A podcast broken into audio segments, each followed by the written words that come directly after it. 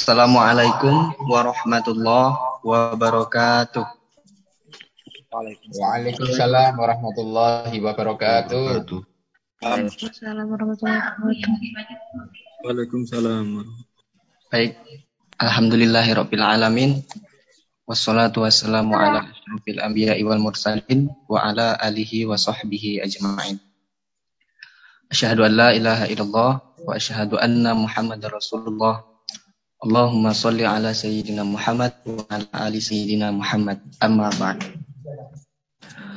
Uh, pertama-tama sekali marilah kita panjatkan puja beserta syukur kita atas kehadiran Allah Subhanahu wa taala yang mana Allah masih melimpahkan kita rahmat uh, juga karunia-Nya sehingga kita dapat berkumpul di ruang Zoom meeting pada kali ini dalam sesi uh, kajian filsafat uh, pada bulan akhir dari tahun 2021 ini.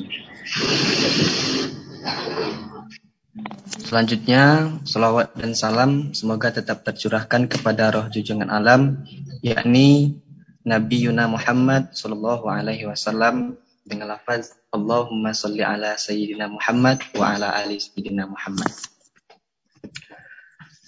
Uh, yang sama-sama kita muliakan, Bapak Faiz yang sudah berkenan hadir bersama kita di dalam Zoom meeting ini, juga Bapak-bapak, Ibu-ibu sekalian yang uh, juga berkenan hadir pada malam kali ini. Baik, uh, mungkin tidak memperpanjang kata-kata lagi, uh, kita langsung saja masuk pada kajian kali ini yang nantinya akan disampaikan oleh uh, Bapak Fahrudin Faiz. Uh, sebelum kita masuk kepada kajian, ada baiknya kita mulai uh, sesi kita pada kali ini dengan uh, membacakan Ummul Quran Al-Fatihah.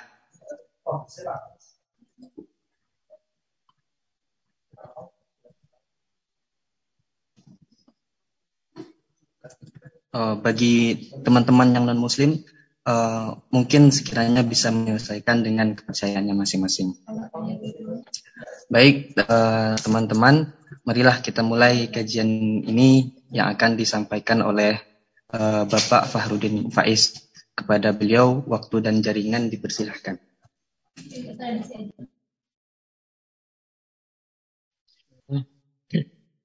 Assalamualaikum warahmatullahi wabarakatuh.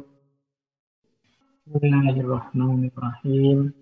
Alhamdulillahi rabbil alamin. Wa bihi nasta'inu ala umuri dunya waddin. Allahumma salli wa sallim wa barik ala habibina wa syafi'ina sayyidina wa maulana Muhammadin wa ala alihi wa ashabihi wa man tabi'ahum bi ihsanin ila yaumiddin. Amma ba'du. Bismillah, teman-teman. Uh, mari kita lanjutkan lagi ngaji filsafat kita. Uh, malam hari ini mungkin agak berbeda caranya saja. Biasanya teman-teman hanya bisa mendengarkan suara saya. Malam hari ini memenuhi banyak permintaan. Akhirnya teman-teman bisa juga melihat wajah saya meskipun nanti ya kecil lah karena tetap nanti fokus kita pada materinya, pada ilmunya. Jadi segala sesuatunya masih sama seperti biasanya. Jadi teman-teman hanya menyimak, mendengarkan saja yang saya sampaikan. Yo, kalau ada yang minta Pak nanti ada tanya jawab atau enggak. Kalau ada pertanyaan tulis saja.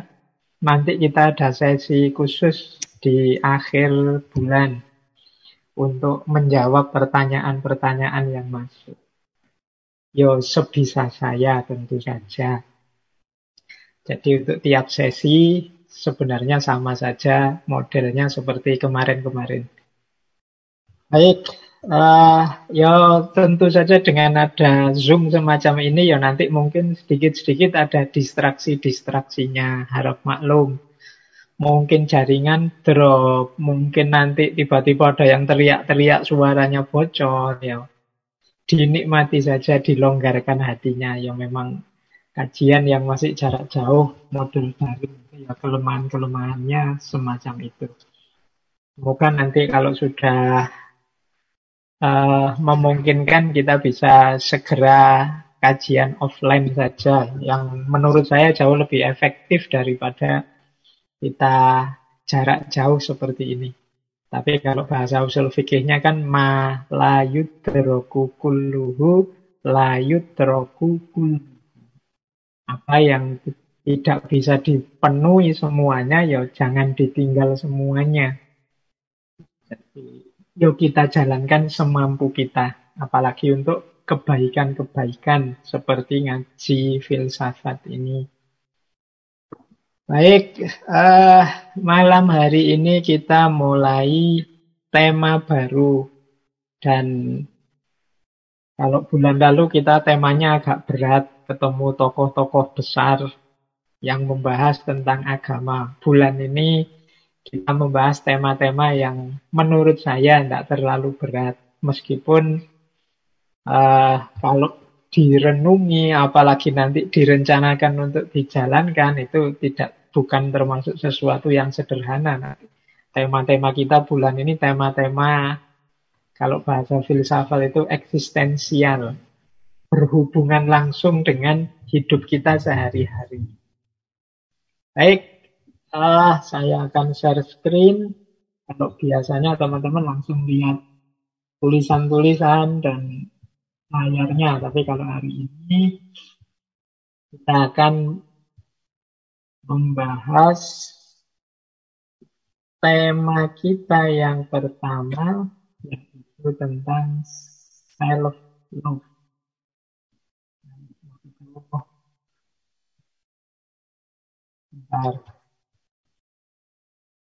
Baik. ya kalau makna letter letternya itu cinta diri. Ini bagian dari tema-tema cinta sebenarnya. Dulu kita pernah membahas beberapa tema tentang cinta. Sekilas-sekilas disinggung juga tentang cinta diri ini. Tapi malam hari ini ayo kita perdalam. Karena saya tahu hari-hari ini, belakangan ini, banyak di antara kita yang gelisah, tidak puas, tidak nyaman dengan dirinya sendiri. Mungkin karena ideal-ideal hidupnya yang tidak terpenuhi, mungkin karena kekecewaan-kekecewaan terhadap target-target rencana-rencana yang tidak jalan, mungkin karena melihat yang lain betapa suksesnya, betapa hebatnya, sementara aku kok gini-gini saja, itu muncul rasa tidak senang pada dirinya sendiri. Nah, malam hari ini ayo kita bahas sebentar tentang aspek self-love atau cinta diri ini. Karena betapapun diri kita ini kan ciptaan Allah, kebanggaan Allah. Semua manusia adalah kesayangan Allah. Masa kita sendiri tidak sayang pada diri kita? Nah, mari kita lihat filosofi-filosofi di balik self-love ini atau cinta diri ini. Baik, silahkan disiapkan teman-teman segala perangkat ubur rampenya karena kurang lebih dua jam teman-teman malam hari ini manteng di depan gadget dan laptopnya masing-masing. Saya awali dari definisi cinta diri itu kemampuan.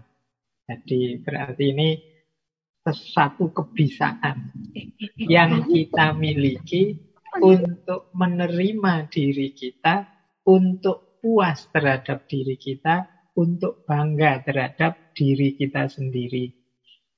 Ini namanya cinta diri atau self-love. Jadi berarti tiga kemampuan yang dituntut dalam cinta diri itu. Mampu menerima diri sendiri, puas dengan diri sendiri, bangga terhadap diri sendiri. Ya ini enak kalau dijelaskan gini, tapi dalam hidup itu kan kita rasanya banyak yang ganjel. Kita itu sering memarahi diri kita sendiri. Kita itu sering kecewa dengan diri kita sendiri dan manifestasinya macam-macam. Orang itu kalau tidak puas dengan dirinya itu ada kalanya yang baik berusaha untuk meningkatkan kapasitas dirinya, ada kalanya dia ingin agar orang lain juga tidak baik dirinya. Jadi biar yang lain juga bodoh-bodoh jeleknya. Aku ini sudah jelek, biar yang lain juga jelek. Akhirnya banyak orang itu yang untuk menutupi kejelekan dirinya, ketidakpuasannya terhadap dirinya. Dia banyak mencari kesalahan di sekelilingnya. Dia ingin menunjukkan bahwa orang lain juga banyak jeleknya, orang lain juga banyak tidak memuaskannya. Nah, Semoga kita tidak masuk yang kedua ini ya. Kalau kita sadar bahwa ada banyak hal dari diri kita yang bisa ditingkatkan, semoga yang kita lakukan adalah meningkatkan kualitas diri, bukan mencari-cari kesalahan orang lain dalam rangka menegaskan bahwa yang lain juga jelek kok, yang lain juga tidak baik-baik amat. Nah, hari ini banyak kita lihat kan, di medsos-medsos itu. Kita sibuk sekali ngomentari orang, mencari jelek-jeleknya orang.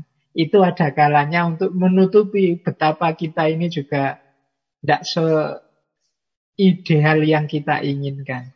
Dengan cara, ah yang lain juga jelek. Itu kan kayak kalau anak sekolah nilainya jatuh, terus untuk menutupi nilainya yang jelek, dia bilang, ah teman-teman juga jatuh semua kok tidak ada yang bagus, sekarang memang materinya sulit kok. Nah, ini cara orang menutupi betapa dia sebenarnya kecewa terhadap dirinya. Nah, maka malam hari ini kita belajar yuk gimana caranya kita bisa menerima diri kita apa adanya, puas terhadap diri kita, bangga terhadap diri kita. Inilah self love karena kesuksesan hidup kita nanti akan dimulai dari sini.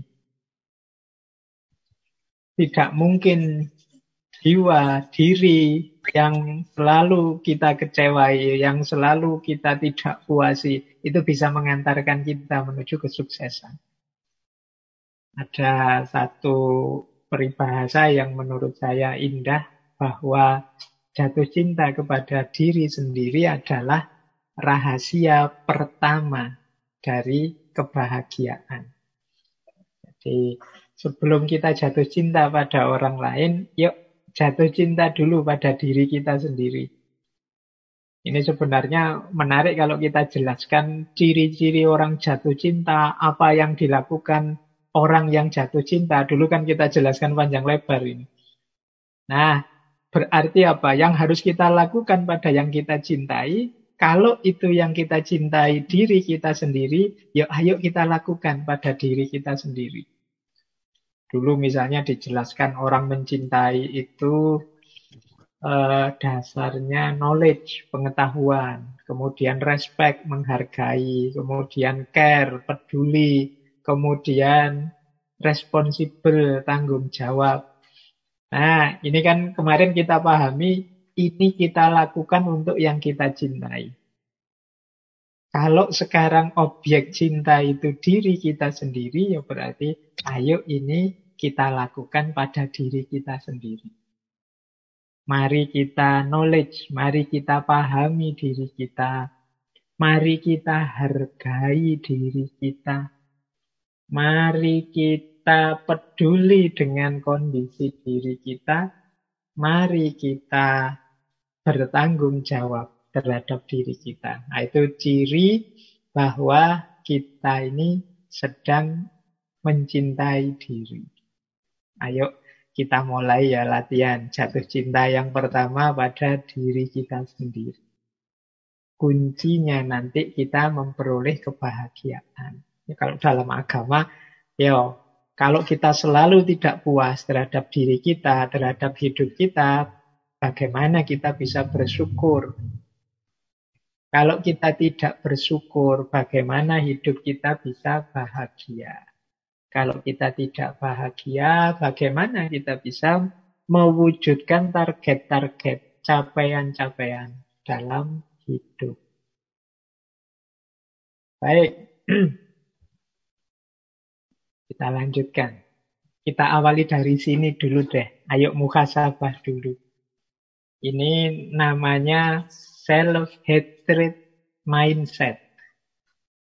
Ini untuk mengidentifikasi. Jangan-jangan kita termasuk bukan pecinta diri, tapi pembenci diri. Kalau teman-teman punya kualifikasi-kualifikasi seperti ini, ayo cepet-cepet tobat, cepet-cepet ganti orientasi, ganti mindset. Ini menunjukkan kita sangat tidak puas terhadap diri kita sendiri. Yang pertama apa? Orang yang membenci diri itu dia terlalu fokus pada hal-hal yang negatif. Atau cara berpikirnya sering pesimis. Meskipun mengalami hal yang baik, itu tapi sudut pandangnya selalu sudut pandang yang negatif. Jadi, misalnya lah lulus dengan ujian atau kumlot, itu pun dia wah kumlot ya buat apa pak? Nanti setelah ini mau kerja di mana aktivitas apa saya juga tidak tahu. Ini yang dilihat dia sudut, sudut negatifnya terus. Padahal dia dapat kelimpahan luar biasa loh dapat nilai paling tinggi kumlot itu. Tapi ya dia masih sambat masih mengeluh bisa misalnya kumpul-kumpul dengan teman-teman seneng ngopi-ngopi. Itu kan mengembirakan membahagiakan. Tapi dia mungkin lihat sudut pandang yang negatifnya. Ah kalau kita kayak gini terus ini gimana masa depannya Indonesia? Misalnya ya pokoknya mikirnya negatif terus pesimis terus. Alhamdulillah sudah sadar mau sholat misalnya ibadahnya lengkap. Itu pun dia masih pesimis. Ibadah seperti ini yo belum mesti diterima sama Allah kalau ah itu jadi mikirnya terus negatif lagi pokoknya mikirnya nyari sudut-sudut yang negatif terus pesimis terus. Ini kalau diajak ngomong mesti tidak enak orang yang serba negatif ini. Jadi kalau kita punya karakter ini jangan-jangan kita mindset kita adalah self hatred. Pembenci diri. Kita tidak pernah bersyukur mesti. Kita isinya mengeluh terus. Karena yang kita lihat sudut negatifnya. Tidak punya pacar, sambat. Punya pacar ya sambat. Uangnya banyak, sambat. Wah, uang banyak tapi yo tanggung jawab juga banyak, kerja capek. Kerja siang sampai sore, sampai malam tidak ada istirahatnya. Masih sambat. Dapat pekerjaan, yo sambat. Mengeluh. Apalagi tidak dapat pekerjaan. Nah, ini cara berpikir negatif, pesimis. Jadi diri kita ini tidak ada baiknya sama sekali, wong yo. Teman-teman membacanya secara negatif terus. Yang kedua, self hatred itu suka membandingkan dengan orang lain biasanya ya orang lain yang lebih sukses, orang lain yang dianggapnya lebih berhasil.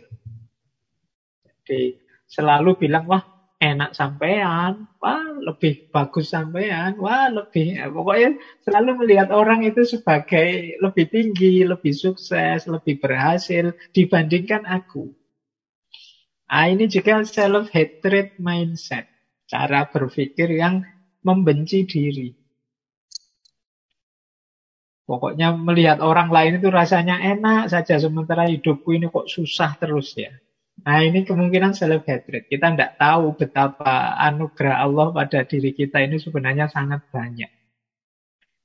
Yang ketiga tidak pede, tidak percaya diri. Nah, kalau ini juga mungkin teman-teman sering ngalami juga. Padahal bisa loh kalau mau. Padahal mungkin saja loh kalau serius. Tapi kita lebih memilih, ah aku ini apa sih? Aku ini tidak penting, aku ini Nah, itu nanti self-hatred mindset. Kemudian yang keempat, uh, karena dia tidak pede, kalau ada orang muji dia, itu dianggapnya bohong, dianggapnya manipulasi, atau dianggapnya tidak tulus. Wah, sampean ini tekun sekali ya, rajin sekali ya. Wah itu kita curus curiga, ini mesti basa-basi ini. Wah ini mesti cuma cari muka aja. Wah ini cuma. Jadi kita tidak bisa menerima orang muji kita itu. Kita mikirnya selalu, wah ini mesti tidak tulus ini. Mentang-mentang teman, ya sebagai teman paling basa-basi. Kita sulit menerima pujian dari orang lain. Terus yang kelima, self-hatred mindset itu menganggap bahwa orang lain itu tidak suka dirinya. Kalau ada orang ngumpul-ngumpul, dia curiga. Ini mesti ngomongin saya ini. Ini mesti ngerasani aku. Ini mesti nah. Itu kecurigaan berlebihan ini. Ini berawal dari kita tidak pede, tidak percaya diri pada diri kita sendiri. Kita menganggap diri kita ini banyak lubangnya, banyak jeleknya, dan semua orang melihat itu. Sehingga menganggap ah, orang-orang itu mesti nggak seneng sama saya. Mesti aku dianggap rendah. Mesti aku dianggap bukan orang penting. Nah ini self-hatred mindset. Kalau tadi dipuji tidak percaya, kalau dikritik dianggap menghina. Ini kan sulit orang self-hatred. Kalau dipuji malah dianggap basa-basi. Begitu kita kritik, oh kalau begitu sampean jangan gitulah, mbok rajin begitu. Oh, dianggap menghina. Jadi, wah ini berat juga menghadapi orang yang self-hatred ini. Semoga kita tidak termasuk yang inilah. Wong punya teman kayak gini juga repot diajak ngomong negatif terus. Kalau dipuji tidak percaya, dianggap kita tidak tulus, basa-basi. Kalau dikritik ngamuk-ngamuk, dianggap kita menghina, merendahkan. Kemudian suka iri, suka cemburu dengan orang lain. Ya kalau ini karena dia selalu membandingkan dirinya dengan orang lain, dia akhirnya jatuhnya pada iri, ingin seperti yang lain. Lupa bahwa dalam hidupnya juga ada sangat banyak hal yang penting untuk disyukuri. Nah, kemudian punya mindset juga bahwa hubunganku dengan orang lain juga mesti akan gagal. Karena aku ini orangnya seperti ini. Nah, itu misalnya urusan uh, apa kita jatuh cinta sama lawan jenis misalnya, itu dia mesti terus tidak pede, mesti gagal. Kenapa? Karena aku ini bukan apa-apa, aku itu tidak punya apa-apa. Nah ini termasuk self-hatred mindset. Meskipun lawan jenisnya sudah ngode-ngode, mbok kamu segera nembak, mbok kamu, mbok kita ini segera diresmikan, mbok. Tapi ya karena dia perspektifnya negatif, yang mikirnya, ah apalah aku ini, siapakah aku ini, dan seterusnya akhirnya ya ndak jalan-jalan. Ya nanti kalau ditembak duluan sama yang lain ya jangan nangis. Wong sudah dikasih kesempatan kamu ndak maju-maju. Terlalu banyak mikir betapa aku ini siapa. Nah dan ndak berani bermimpi. Orang self hatred ini dia ndak berani mimpi. Ndak berani bercita-cita tinggi. Karena menilai dirinya terlalu rendah jadi teman-teman, dimulai dari sini, mari kita mulai membangun persepsi yang positif terhadap diri kita. Ya memang kita manusia tidak sempurna, ada kurang-kurangnya, ada lemahnya, ada batas-batasnya. Tapi percayalah kita tidak seburuk itu. Percayalah banyak kualitas-kualitas positif, kualitas baik yang kita miliki. Jadi, Jangan membenci diri kita sendiri. Kalau pada diri kita sendiri saja kita benci, apalagi kepada orang lain. Baik, jadi kalau teman-teman melihat hari ini, wah Pak, saya merasa dunia medsos ini penuh dengan kebencian-kebencian. Lontaran-lontaran saling caci maki, saling merendahkan, saling menjatuhkan. Jangan-jangan memang hari ini banyak orang yang benci pada dirinya sendiri. Sehingga keluarnya adalah kebencian-kebencian pada yang lain. Karena mindsetnya seperti ini, akhirnya melihat apa pun serba negatif. Ya, seperti pepatah itu loh, orang hanya memberikan apa yang dia miliki. Kalau yang dia miliki dalam dirinya adalah kebencian-kebencian, keluarnya ya mungkin hanya kebencian-kebencian saja. Jadi pijakannya ini ya, mari kita perbaiki kalau teman-teman punya karakter semacam ini. Yuk kita lanjutkan. Kita jelajahi dulu dunia filsafat yang membahas tentang self-love ini. Ada beberapa yang menurut saya menarik gagasan-gagasan para filosof. Misalnya saya awali dari Buddha Gautama. Ada quote terkenal sekali dari beliau. Engkau dirimu sebagaimana siapa pun di seluruh alam semesta ini berhak atas cinta dan sayangmu.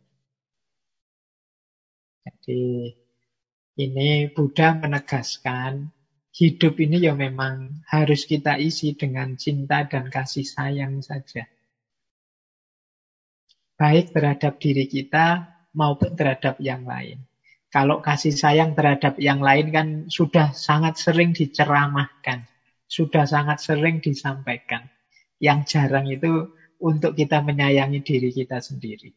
Maka Buddha mengingatkan, engkau juga berhak kok atas kasih sayang dan cinta itu. Kalau kalian siap berkorban apa pun untuk yang kalian cintai di luar diri, harusnya kalian juga siap berkorban untuk dirimu sendiri untuk kesuksesanmu, untuk keberhasilanmu, untuk kenyamanan hidupmu. Karena engkau juga berhak atas cinta dan kasih sayang itu. Kalau dalam diri kita ada kualitas cinta dan kasih sayang yang luar biasa, masuk ya hanya kita kasih ke orang lain. Tidak kita nikmati juga untuk diri kita. Bukankah seandainya ini makanan, makanan yang sangat bergizi. Jadi harusnya ya tidak hanya kita bagi ke orang lain, tapi juga kita arahkan untuk diri kita sendiri karena kita juga berhak. Jadi ini dari yang pertama. Yang kedua misalnya dari Thich Nhat.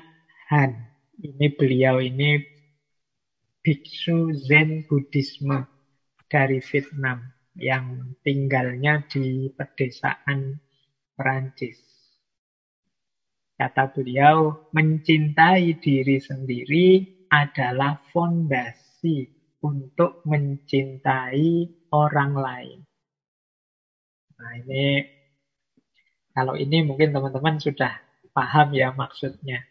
Tidak mungkin kita bisa mencintai orang lain tanpa kita mencintai diri sendiri. Yang ketiga, dari Osho, saya dulu pernah janji untuk bahas tokoh. Beliau ini mistikus dari India. Punya gerakan mistik namanya gerakan Rajnis. Uh, beliau ini yos nama lengkapnya Begawan Sri Rajnis. Biasa dipanggil Osho. Gagasan-gagasan spiritualitas mistiknya luar biasa. Nanti kita cari momen untuk membahas beliau secara khusus. Nah ini beliau mengingatkan kita, hargai dirimu sendiri, cintai dirimu sendiri. Karena tidak pernah ada orang sepertimu dan tidak akan pernah ada lagi. Jadi kalimat ini mengingatkan kita, yuk kita bangga dengan diri kita. Kita sadari keunikan kita. Kita ini juga ciptaannya Allah loh. Karya Allah. Tidak ada yang sia-sia ciptaannya Allah itu. Semuanya istimewa. Maka untuk membangun self-love tadi, mari dicintai diri kita sendiri. Mengapa dicintai? Diri kita ini istimewa. Tidak ada orang kayak kita ini. Ya teman-teman boleh keluar nyari, opo ada orang kembar kayak saya. Tidak akan nemu. Jadi kita ini unik. Saya tidak bilang kita ini lebih baik atau lebih hebat dari yang lain. Tapi kita ini unik. Punya kekhasan sendiri-sendiri. Orang-orang hebat di luar itu juga punya kekhasannya sendiri-sendiri. Hanya saja mungkin mereka pede dan mengaktualkan potensi keistimewaan mereka, sementara kita ini tidak pede, minder, sehingga tidak berani tampil. Tidak berani menunjukkan siapa aku yang sebenarnya. Ini menunjukkan kita tidak menghargai diri kita sendiri. Ayo mencintai diri kita. Tidak ada orang seperti kalian. Tidak ada orang seperti saya persis. Tidak ada. Kita ini unik. Kalau kita tidak ada, dunia kehilangan orang seunik kita. Jadi sekhas kita. Loh, apa tidak nangis itu dunia kehilangan orang yang unik kayak kita. Nah ini gayanya Rajnis. Kalau mendorong kita untuk pertama-tama memang mencintai diri kita sendiri. Jangan dibalik. Dibalik itu kita lebih fokus mencintai yang lain, yang di luar diri, lupa bahwa dasarnya mencintai yang lain yang di luar diri itu ya kita harus mencintai diri.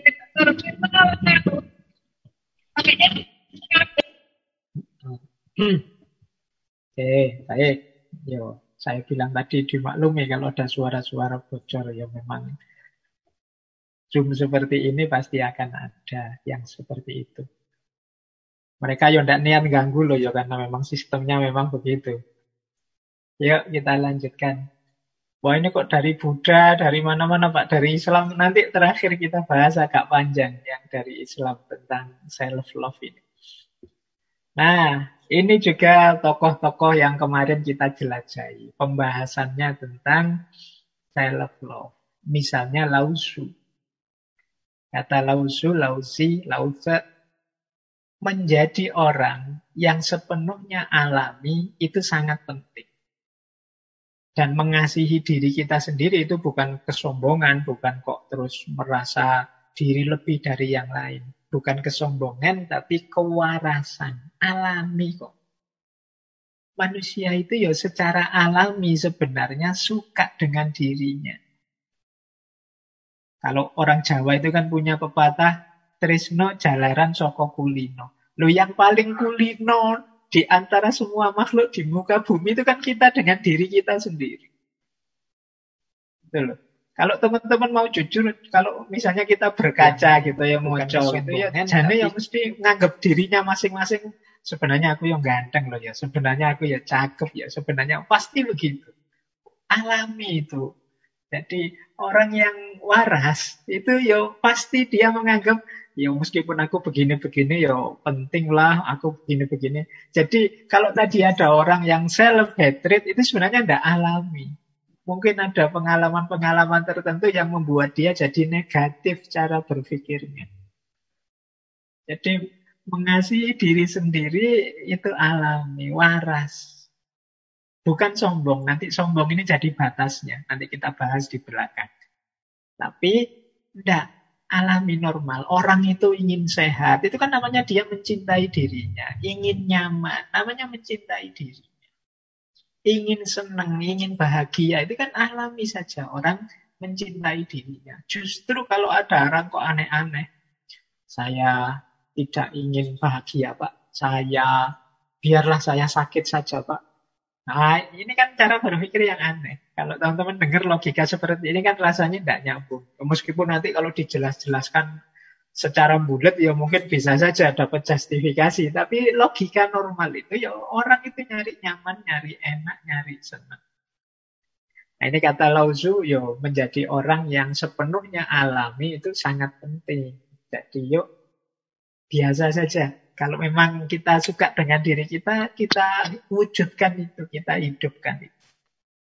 Bahkan kata Spinoza, memelihara diri, peduli pada diri sendiri, itu termasuk kebajikan yang tertinggi.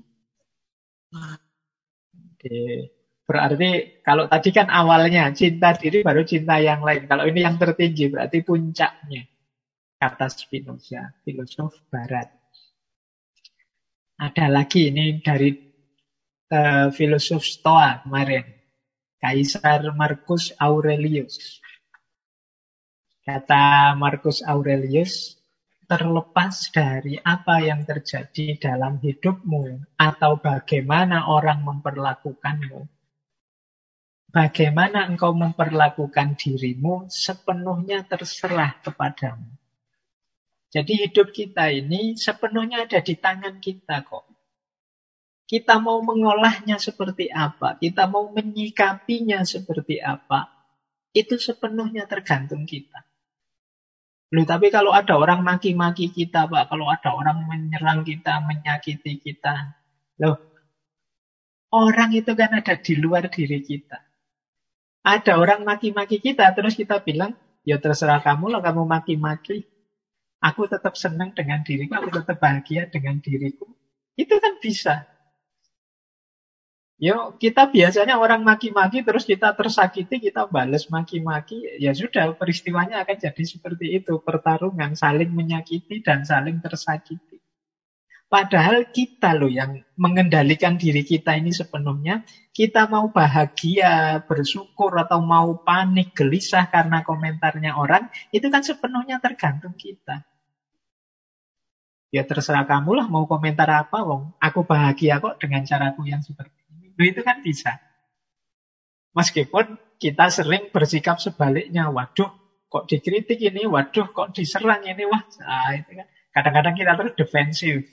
Karena kita merasa lemah, kalah, terus balik nyerang, nyari salah-salahnya sana. Akhirnya yang sana mengungkap, bongkar kesalahan-kesalahan kita, kelemahan kita, yang sini juga begitu, balas dendam. Akhirnya buka-bukaan, terus sama-sama tersakiti sama-sama pisah-pisahan, tawuran, gegeran.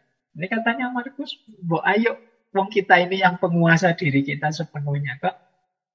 Kita bisa mengatur apa pun yang kita inginkan. Mari kita arahkan ke yang positif, yang baik-baik saja. Entah orang melakukan apa, entah orang komentar apa, entah orang mempengaruhi apa dalam hidup kita, tapi kendali sepenuhnya hidup kita ada di tangan kita. Katanya Kaisar Markus selanjutnya, jika engkau tidak menghormati keinginanmu sendiri, tidak akan ada orang lain yang menghargai. Engkau hanya akan menarik orang-orang yang tidak menghormati dirimu sebagaimana dirimu. Jadi kalau kita tidak menghargai diri kita, jangan harap orang lain akan menghargai kita ya orang akan bersikap sebagaimana kita bersikap. Jadi misalnya, ah, saya ini apa Pak, saya ini orang rendahan, saya singkir-singkirkan saja lah Pak, saya ini, saya ini tidak penting. Loh itu nanti teman-teman sekitarmu yang datang ya akan mengikuti sikapmu itu. Eh, dia itu maunya disingkir-singkirin kok, dia itu maunya. Jadi kalau kita tidak menghargai diri kita sendiri, ya orang akan melihat kita. Wah iya ya, dia inginnya dibegituin, dia pinginnya di pinggir-pinggirkan, dia merasa dirinya rendah, ya orang akan menyesuaikan dengan kita. Jadi kata Markus, engkau karena tidak menghormati dirimu, ya orang-orang di sekelilingmu akan tertarik untuk tidak menghormati dirimu juga, sebagaimana diri. Oke. Ya, Teman-teman kan pengalaman, kalau di pergaulan sehari-hari kan kita kalau ada teman, itu kan kita perhatikan bagaimana dia bersikap. Kalau dia serampangan sembarangan, ya kita menyesuaikan kayak dia. Kalau dia bolak-balik misuh, ya nanti kita ikut sekali-sekali misuh bareng dia. Tapi kalau dia jual mahal, kita juga kan agak menarik diri. Jadi orang itu bagaimana dia menyikapi, membentuk dirinya, orang lain akan menyesuaikan dengan itu. Kalau teman-teman dekat ada teman yang pendiam, kita yang cerewet itu kan juga agak menyesuaikan. Ini temanku pendiam sekali ya ini. Aku mau ngomong banyak kok sungkan ya, tidak enak dia ini. Kita menyesuaikan. Nah kalau kita tidak menghargai diri kita, kalau kita tidak punya respect, tidak menganggap diri kita berharga, ya demikian pula orang lain. Jadi kata Markus, kalau engkau tidak menghormati keinginanmu sendiri, tidak akan ada orang lain yang menghargai. Engkau hanya akan menarik orang yang tidak menghormatimu, sebagaimana engkau tidak menghormati dirimu. Baik, jadi ini beberapa filosofi tentang self-love. Nah, ada teori seperti ini. Tanda-tanda orang yang cinta pada dirinya. Orang yang punya kualitas self-love. Ini dilihat dari urutan zamannya. Orang yang mencintai dirinya itu, dia melihat masa lalu tanpa penyesalan. Melihat hari ini dengan rasa syukur dan melihat masa depan tanpa rasa khawatir. Kalau teman-teman punya kualitas ini, mungkin tenang hidupnya. Hari eh, hari ini melihat masa lalu dan tidak menyesal. Berupa kan di masa lalu kadang-kadang kita melakukan salah, melakukan dosa. Iya, tidak menyesal itu dalam arti itulah yang kemarin aku lakukan, aku terima. Sekarang akan aku perbaiki. Ternyata aku masih kurang di sini, aku masih lemah di sini. Aku terima situasiku itu dan aku perbaiki sekarang. Kan banyak orang yang hidupnya murung terus, gelisah terus karena menyesali masa lalu. Orang yang semacam ini kan orang yang tidak bisa menerima bahwa kemarin itu aku salah, kemarin itu aku keliru, aku harusnya tidak begitu, aku harus tidak. Jadi dia hidupnya kacau hari ini karena apa? Menyesali masa lalu. Ya kalau cuma disesali hanya akan menggelisahkan. Kita terima, wong dia sudah terjadi. Kalau orang Jawa itu punya prinsip rilo lan rimo ya sudah, kita relakan yang sudah terjadi. Yang memang bisa diperbaiki, kita perbaiki. Yang keliru-keliru, kita benarkan lagi. Ini namanya melihat masa lalu tanpa penyesalan. Kita sering mencela diri kita, memarahi diri kita gara-gara masa lalu ini. Kenapa aku dulu lemah, kenapa aku dulu pengecut, kenapa aku dulu tidak pemberani, kenapa aku dulu kok tidak serius belajar. Nah ini kalau kita bawa sampai hari ini, itu kita akan gelisah sendiri. Hidup kita tidak akan tenang, tidak akan nyaman. Salah satu indikasi bahwa kita tidak mencintai diri kita. Diri kita jadi sumber penyesalan. Nah yang kedua, melihat hari ini dengan rasa syukur. Jadi menghadapi hidup ini segala dinamikanya kita syukuri. Selalu ada sudut-sudut yang membahagiakan asal perspektif kita positif. Kalau kita ujian kok tidak lulus, oh berarti memang disuruh belajar lagi. Berarti kemampuannya belum cukup. Alhamdulillah lo masih ada nilainya misalnya. Nah ini jiwa yang bersyukur. Kok melakukan apa gagal, ah, berarti harus berusaha lagi, harus berupaya lagi. Berarti memang kemampuanku hanya sampai ini, harus di-upgrade lagi. Yang sudah aku peroleh, aku syukuri. Yang belum, aku kembangkan lagi. Nah ini menghadapi hidup dengan rasa syukur. Dan melihat masa depan tanpa rasa khawatir. Ini juga sering mengganggu hidup kita.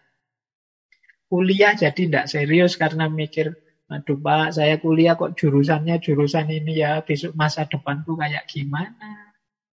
Nanti kita berkaca lihat diri kita, aduh Pak, wajahku kok kayak gitu ya, kira-kira ada enggak yang mau sama saya ya nanti ini. Jadi kan kita khawatir masa depan terus. Pak, saya itu kan cuma lulusan ini, nanti paling pekerjaannya ya seputar-seputar karir di situ. Bisa ndak ya saya jadi orang kaya besok itu padahal saya pinginnya punya rumah, punya mobil, punya khawatir lagi kita. Banyak sekali kita khawatir. Pak saya nanti kalau punya anak kira-kira bisa dedek ndak ya Pak? Wong yo saya ini orang kayak gini loh.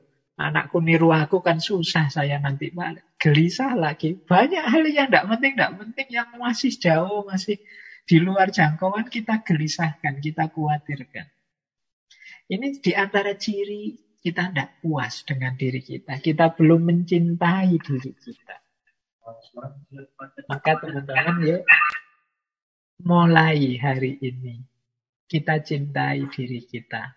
Yang sudah berlalu kita relakan, yang masih keliru-keliru kita perbaiki. Yang sudah jalan itu tidak kita posisikan sebagai sumber penyesalan, tapi kita jadikan sumber pelajaran.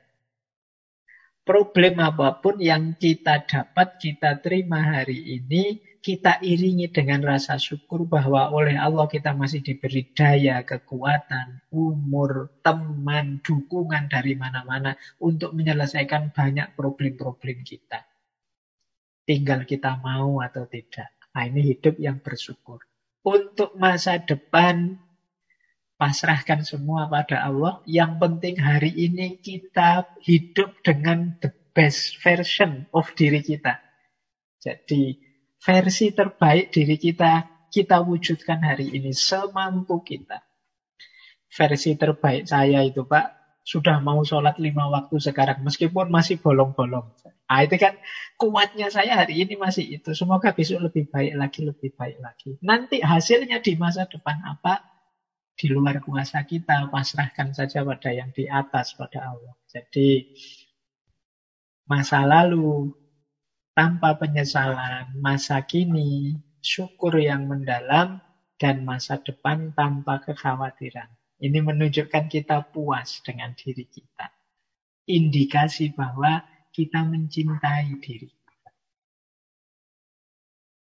Jadi ini penting bagi teman-teman untuk membangun kualitas dan kualifikasi ini.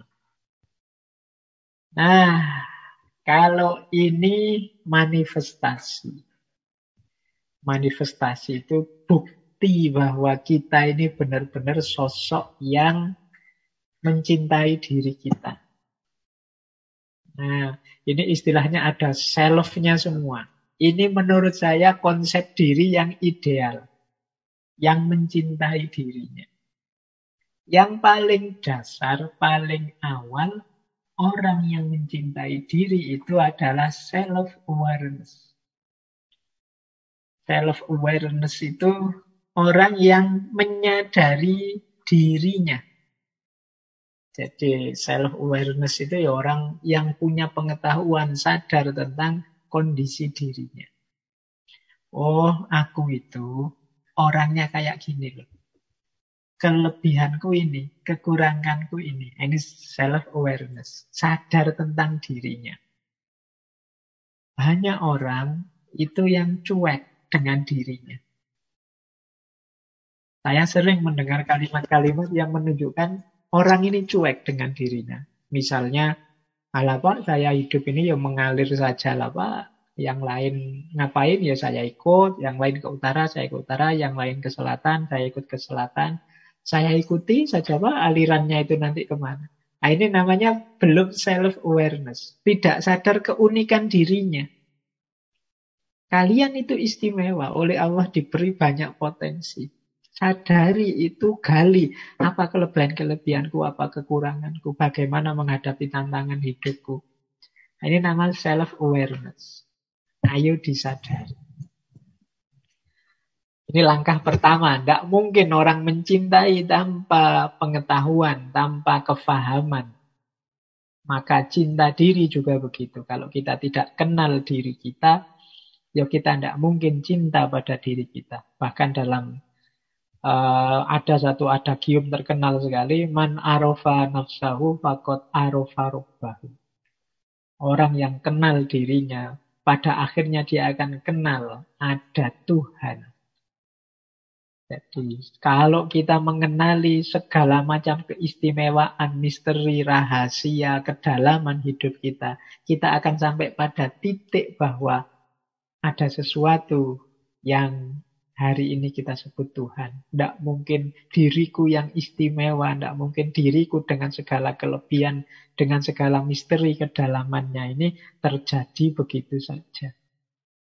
Jadi man arofa nafsahu, fakot arofa robbahu. Semakin kita mengenal diri, semakin kita yakin tentang keberadaan Tuhan.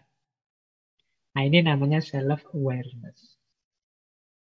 Yang kedua, self-worth. Jadi, paham tentang nilai diri. Jadi, ya aku ini memang manusia tidak sempurna, tapi aku ini berharga. Manusia itu oleh Allah diciptakan ahsanu takwim.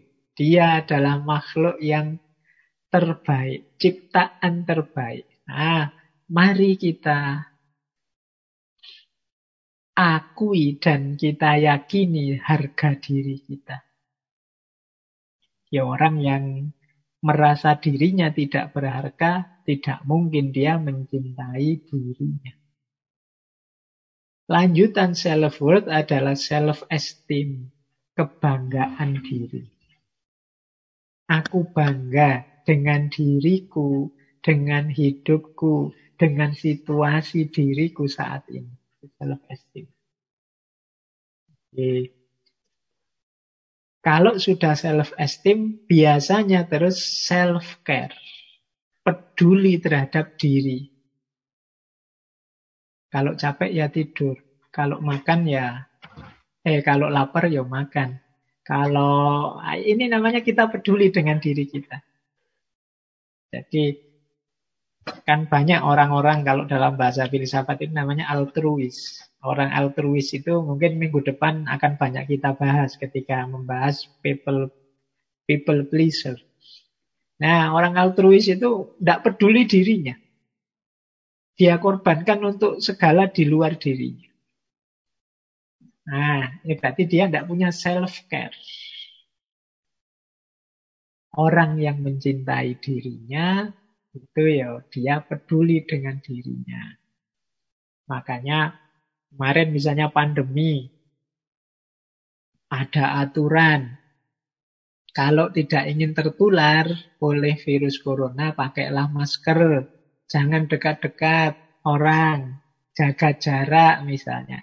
Nah ini kalau kita cinta diri kita, pasti ada unsur self-care. Upaya agar aku tidak tertular. Karena tubuh ini anugerahnya Allah, sangat istimewa, harus aku jaga. Tidak boleh aku tidak peduli. Tidak boleh aku resikokan dengan penyakit. Tidak boleh aku siksa, tidak boleh aku susahkan. Jadi ini namanya self-care, peduli. Kalau dalam hadis itu ada cerita, satu ketika ada sahabat-sahabat yang menghadap Rasulullah. Kemudian ini jumlah sahabatnya tiga. Yang pertama di depan Rasulullah bertekad, aku akan bangun malam terus, tidak tidur-tidur, demi ibadah kepada Allah. Yang satunya bilang, aku akan puasa terus. Tidak ada buka puasanya. Untuk ibadah terus pada Allah. Yang satu bilang, hidupku aku persembahkan untuk agama, aku tidak akan menikah. Biar sibuknya dengan Allah saja. Nah, eh, tekad dari tiga sahabat ini ketika terdengar oleh Rasulullah, Rasulullah malah menegur, mengingatkan. Aku ini nabi, tapi aku tidur, ya aku bangun malam. Aku puasa, aku juga buka puasa. Dan aku menikah. Jadi karena memang ini fitrahnya manusia, tuntutan diri, bagian dari self-care, self-love tadi. Tubuh kita butuh istirahat, tubuh kita butuh makan juga. Tidak boleh kita tidak peduli. Ah sakit biar saja Pak, kalau Allah nakdir sakit. Tidak, Allah itu memberi amanat kita untuk menjadi khalifah di muka bumi. Antara lain yang mengkhalifai diri kita sendiri. Kalau kita cuek saja, tidak peduli dengan diri kita, itu ya berarti kita gagal menjadi khalifahnya untuk diri kita sendiri. Apalagi untuk mengkhalifai alam semesta.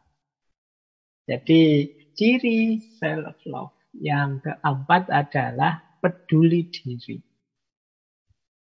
Nah yang kelima, nah kalau ini tidak sekedar membanggakan diri atau bersyukur, tapi ada self-assessment mau melakukan evaluasi diri. Dulu kita pernah membahas tentang muhasabah. Ini bagian dari self-assessment. Kita itu yo bukan makhluk yang sempurna. Ada kurang-kurangnya, ada keliru-kelirunya, ada meleset-melesetnya. Tidak selalu pas yang kita lakukan itu. Misalnya tadi kita mau peduli dengan diri kita. Loh yang kita lakukan sudah pas apa belum? Untuk melakukan ini kan kita perlu self-assessment. Nah, self-assessment itu ya paling tidak bisa dilakukan dengan tiga strategi. Yang pertama self-perception. Self-perception itu kita merenungi sendiri, mempersepsi diri kita sendiri. Yang kedua self-comparison, kita membandingkan dengan orang-orang baik misalnya. Wah, Pak Ustadz itu yang sering saya dengarkan, beliau ini puasa Senin Kemis terus loh ya. Oh, berarti aku ndak ada apa-apanya. Aku harus niru seperti itu mungkin. Itu namanya self-comparison. Wah temanku ini kok sabar sekali ya. Sementara aku kok mudah tersinggung, mudah marah ya. Oh, berarti aku harus mulai menata diri. Ini lewat self-comparison. Jadi kesadaran bahwa kita ini masih banyak kekurangan-kekurangan, maka kita teliti dalam diri kita di titik mana aku itu kurang. Ini namanya self comparison. Yang ketiga, feedback. Jadi feedback itu ya kita tetap terbuka mendengarkan kalau ada teman mengkritik, kalau ada teman memberi masukan, kalau ada orang usul apa untuk kebaikan kita. Karena kadang-kadang kita itu memikirkan diri kita sendiri itu kurang objektif. Jadi ya karena kita terlibat dengan diri kita terus, kita merasa sudah benar kok, sudah sesuai kok orang lain yang tahu. Belum, sampai yang itu ada kurangnya. Nah, di sini pentingnya teman. Karena kadang-kadang kita sendiri sulit untuk objektif dengan diri kita. Terlalu dekat karena yo kita di situ tiap hari, tapi orang lain yang ngerti. Kita mungkin bagi orang pemarah, marah itu wajar saja, normal saja. Kalau ada yang keliru, tidak pas, ya memang harus dimarahi. Nah, itu karena kita tiap hari begitu. Tapi teman kita yang bisa ngasih masukan. Mas, yo marah itu wajar, tapi kalau kayak sampean ini sudah tidak wajar ini, apa-apa dikit marah, apa-apa dikit marah. Itu namanya feedback. Penting bagi kita dalam konteks self-assessment. Mengevaluasi diri.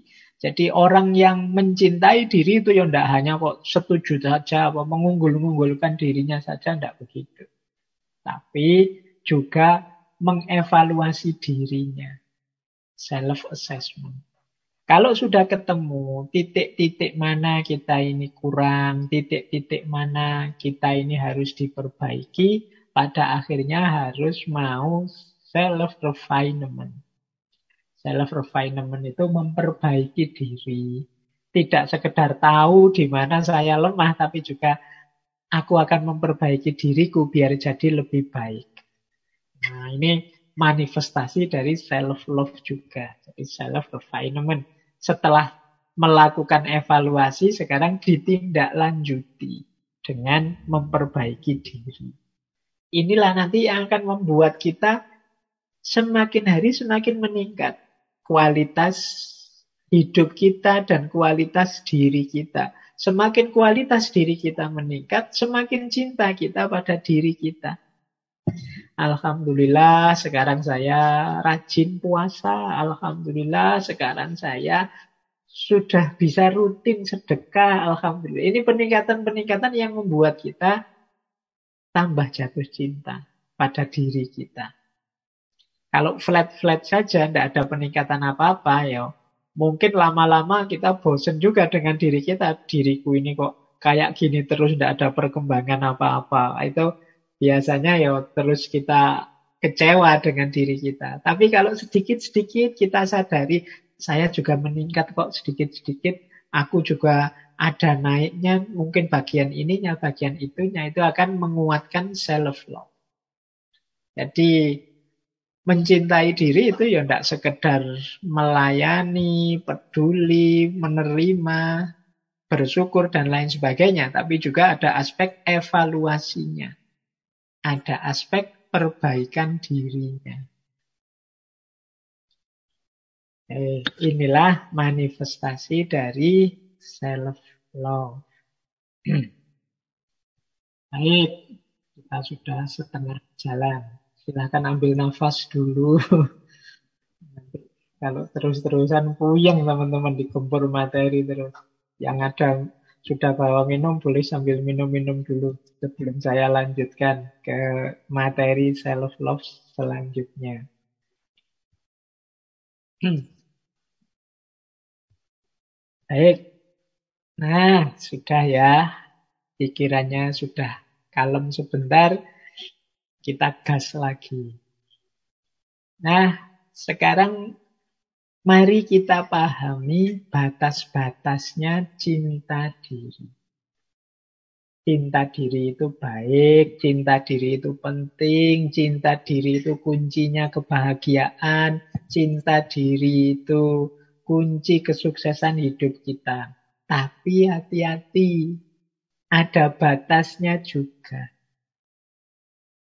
Ini saya ambilkan beberapa pikiran para filosof tentang batasnya cinta diri. Biar kita tidak keliru. Yang pertama dari Aristoteles ini, termasuk sesepuhnya para filosof cinta diri itu kalau dalam istilahnya Aristoteles namanya philautia. Ini teman-teman boleh buka bukunya etikanya Aristoteles. Buku 9 bab 8. Ini tentang philautia. Kata Aristoteles, mencintai diri untuk mencapai keuntungan pribadi yang tidak beralasan itu buruk. Tetapi mereka yang mencintai diri untuk mencapai prinsip-prinsip yang baik adalah jenis kebaikan terbaik. Meskipun kata Aristoteles, jenis cinta diri yang pertama ini yang sering uh, ada dalam diri kita. Jadi cinta diri itu kalau targetnya adalah kesenangan pribadi saja, keuntungan pribadi saja, ini negatif, kata Aristoteles. Cinta diri yang baik itu targetnya tidak hanya biar aku senang, biar aku nyaman, tapi juga untuk kebaikan selanjutnya. Misalnya, aku mencintai diriku biar aku percaya diri. Kalau aku percaya diri, aku bisa memberi manfaat banyak. Tidak hanya untuk diriku, tapi juga untuk lingkungan sekelilingku. Nah, jadi ini targetnya adalah kebajikan selanjutnya. Tadi kan cinta diri itu diposisikan sebagai dasarnya semua kebaikan. Karena berawal dari diri kita. Maka tujuan dan targetnya tidak boleh untuk kepentingan-kepentingan sesaat atau keuntungan yang pribadi saja. Tapi harus untuk kebaikan selanjutnya. Dan itulah kebaikan yang terbaik, kata Aristoteles. Jadi kita mencintai diri kita ya, tapi cinta kita ini yuk, tidak selesai dengan saya sudah mencintai diri kita, Pak. Tidak selesai dengan itu. Tapi setelah aku mencintai diriku, Pak, aku bisa mencintai sesama. Aku bisa peduli dengan yang lain. Aku tidak egois lagi dan lain sebagainya. Hal yang sama dikatakan oleh Cicero. Nah ini filosof stoik lagi. Dulu pernah kita bahas juga satu sesi. Katanya Cicero, sui amante sine rivali. Pecinta diri yang tanpa saingan ditakdirkan untuk berakhir dengan kegagalan. Pecinta diri tanpa saingan itu pecinta diri yang egois. Nanti kita jelaskan bedanya apa egoisme dengan cinta diri. Jadi pecinta diri yang menganggap dirinya lah satu-satunya. Yang penting, yang hebat, yang jago. Orang seperti ini akan gagal kata Cicero. Ada lagi lebih unik. Kalau ini kata Francis Bacon. Kata Francis Bacon, pecinta diri yang ekstrim itu seperti orang yang membakar rumah hanya untuk membakar sebutir telur. Jadi misalnya kita ingin bakar telur atau kalau di Jawa mungkin bukan telur, bakar singkong apa bakar itu. Loh, yang kita pakai untuk bakar singkong tadi itu rumah kita. Ini analogi dari Francis Bacon. Orang yang seperti ini apa? Pecinta diri yang ekstrim. Jadi hanya mencari keuntungan dirinya sendiri dan tidak peduli lingkungan sekelilingnya. Ini seperti orang yang bakar singkong dengan bahan bakar rumahnya sendiri. Jadi ini jelasnya apa nanti dijelaskan oleh Erich Fromm. Kata Erich Fromm, cinta diri sendiri itu berlawanan dengan mementingkan dirinya sendiri. Orang yang mementingkan diri sendiri, mengabaikan orang lain, itu menunjukkan sebenarnya dia tidak mencintai dirinya sendiri. Mengapa? Karena ia tidak tahu dorongan eksisten diri, eksistensial dirinya untuk mencintai. Ia hanya menutupi dan mengkompensasi kegagalannya untuk memahami dirinya secara benar. Jadi, maksudnya Erich Fromm itu begini loh. Kalau kita mencintai diri kita, itu kan berarti kita memenuhi kebutuhan-kebutuhan diri kita. Nah, orang yang benar-benar mencintai dirinya, pasti dia peduli dengan orang lain. Mengapa? Karena dalam diri kita yang fitrah, yang asli, original, itu ada dorongan untuk hidup bersama yang lain untuk peduli pada yang lain. Justru kalau orang itu egois, hanya mikir dirinya, sebenarnya dia belum mencintai dirinya. Mengapa? Kalau dia mencintai dirinya, dia akan memenuhi tuntutan jiwanya, tuntutan dirinya untuk juga peduli dan mencintai yang lain. Kalau dia hanya mikir dirinya itu kata Erikson sebenarnya dia sedang menutupi kegagalannya untuk memahami dirinya secara benar. Berarti dia belum paham tentang dirinya. Kalau dia paham, dia akan tahu bahwa dalam dirinya ada dorongan untuk mencintai yang lain. Dalam dirinya ada dorongan untuk peduli pada yang lain. Jadi kalau ada orang kok egois sekali dan mengatasnamakan cinta diri, itu sebenarnya dia tidak mencintai dirinya. Karena tuntutan dari dalam dirinya untuk peduli pada yang lain tidak dia pedulikan. Berarti dia belum mencintai dirinya. Nah, jadi ini penting dijadikan batas dari cinta diri ini. Jadi cinta diri bukan berarti egoisme. Orang yang hanya mikir kepentingannya, tidak peduli kepentingan orang lain. Tapi orang justru buahnya cinta diri adalah kepedulian pada yang lain. Karena diri kita ini secara fitri ada dorongan untuk hidup bersama yang lain, berbagi dan mencintai yang lain.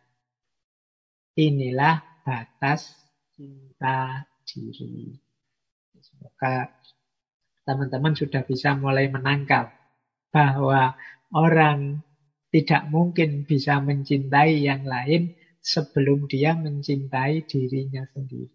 Karena kalau kita mencintai diri kita, kita akan memenuhi dorongan-dorongan jiwa, tuntutan-tuntutan jiwa, antara lain tuntutan dan dorongan untuk mencintai sesama.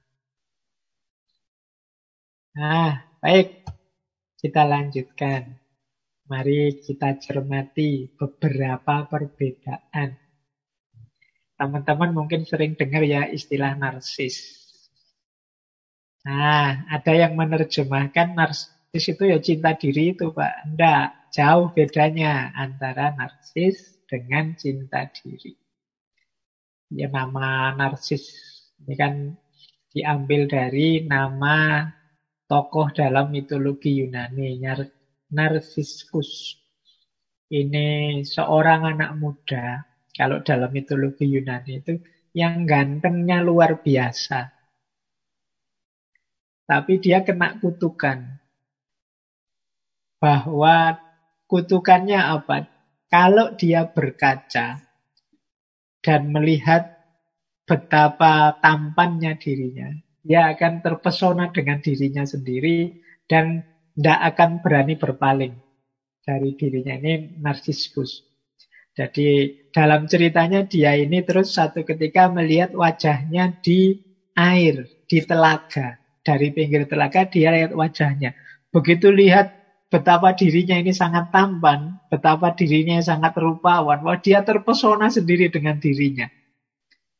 Jadi terus dia tidak berani noleh lihat wajahnya terus saking kagumnya. Pokoknya saya tidak tahu apa ada di antara teman-teman sini kalau pas berkaca itu terus kagum sekali dengan aku kok cakep banget ya, aku kok ganteng, aku ini kok cantiknya luar biasa. Terus saking terpakunya melongo saja di kaca. Nah, ini yang dialami oleh Narcissus itu begitu. Jadi dia terkagum-kagum dengan dirinya sendiri sampai kemudian terpaku di situ. Tidak pindah-pindah. Nah itu kalau dalam ceritanya ini sebenarnya kutukan.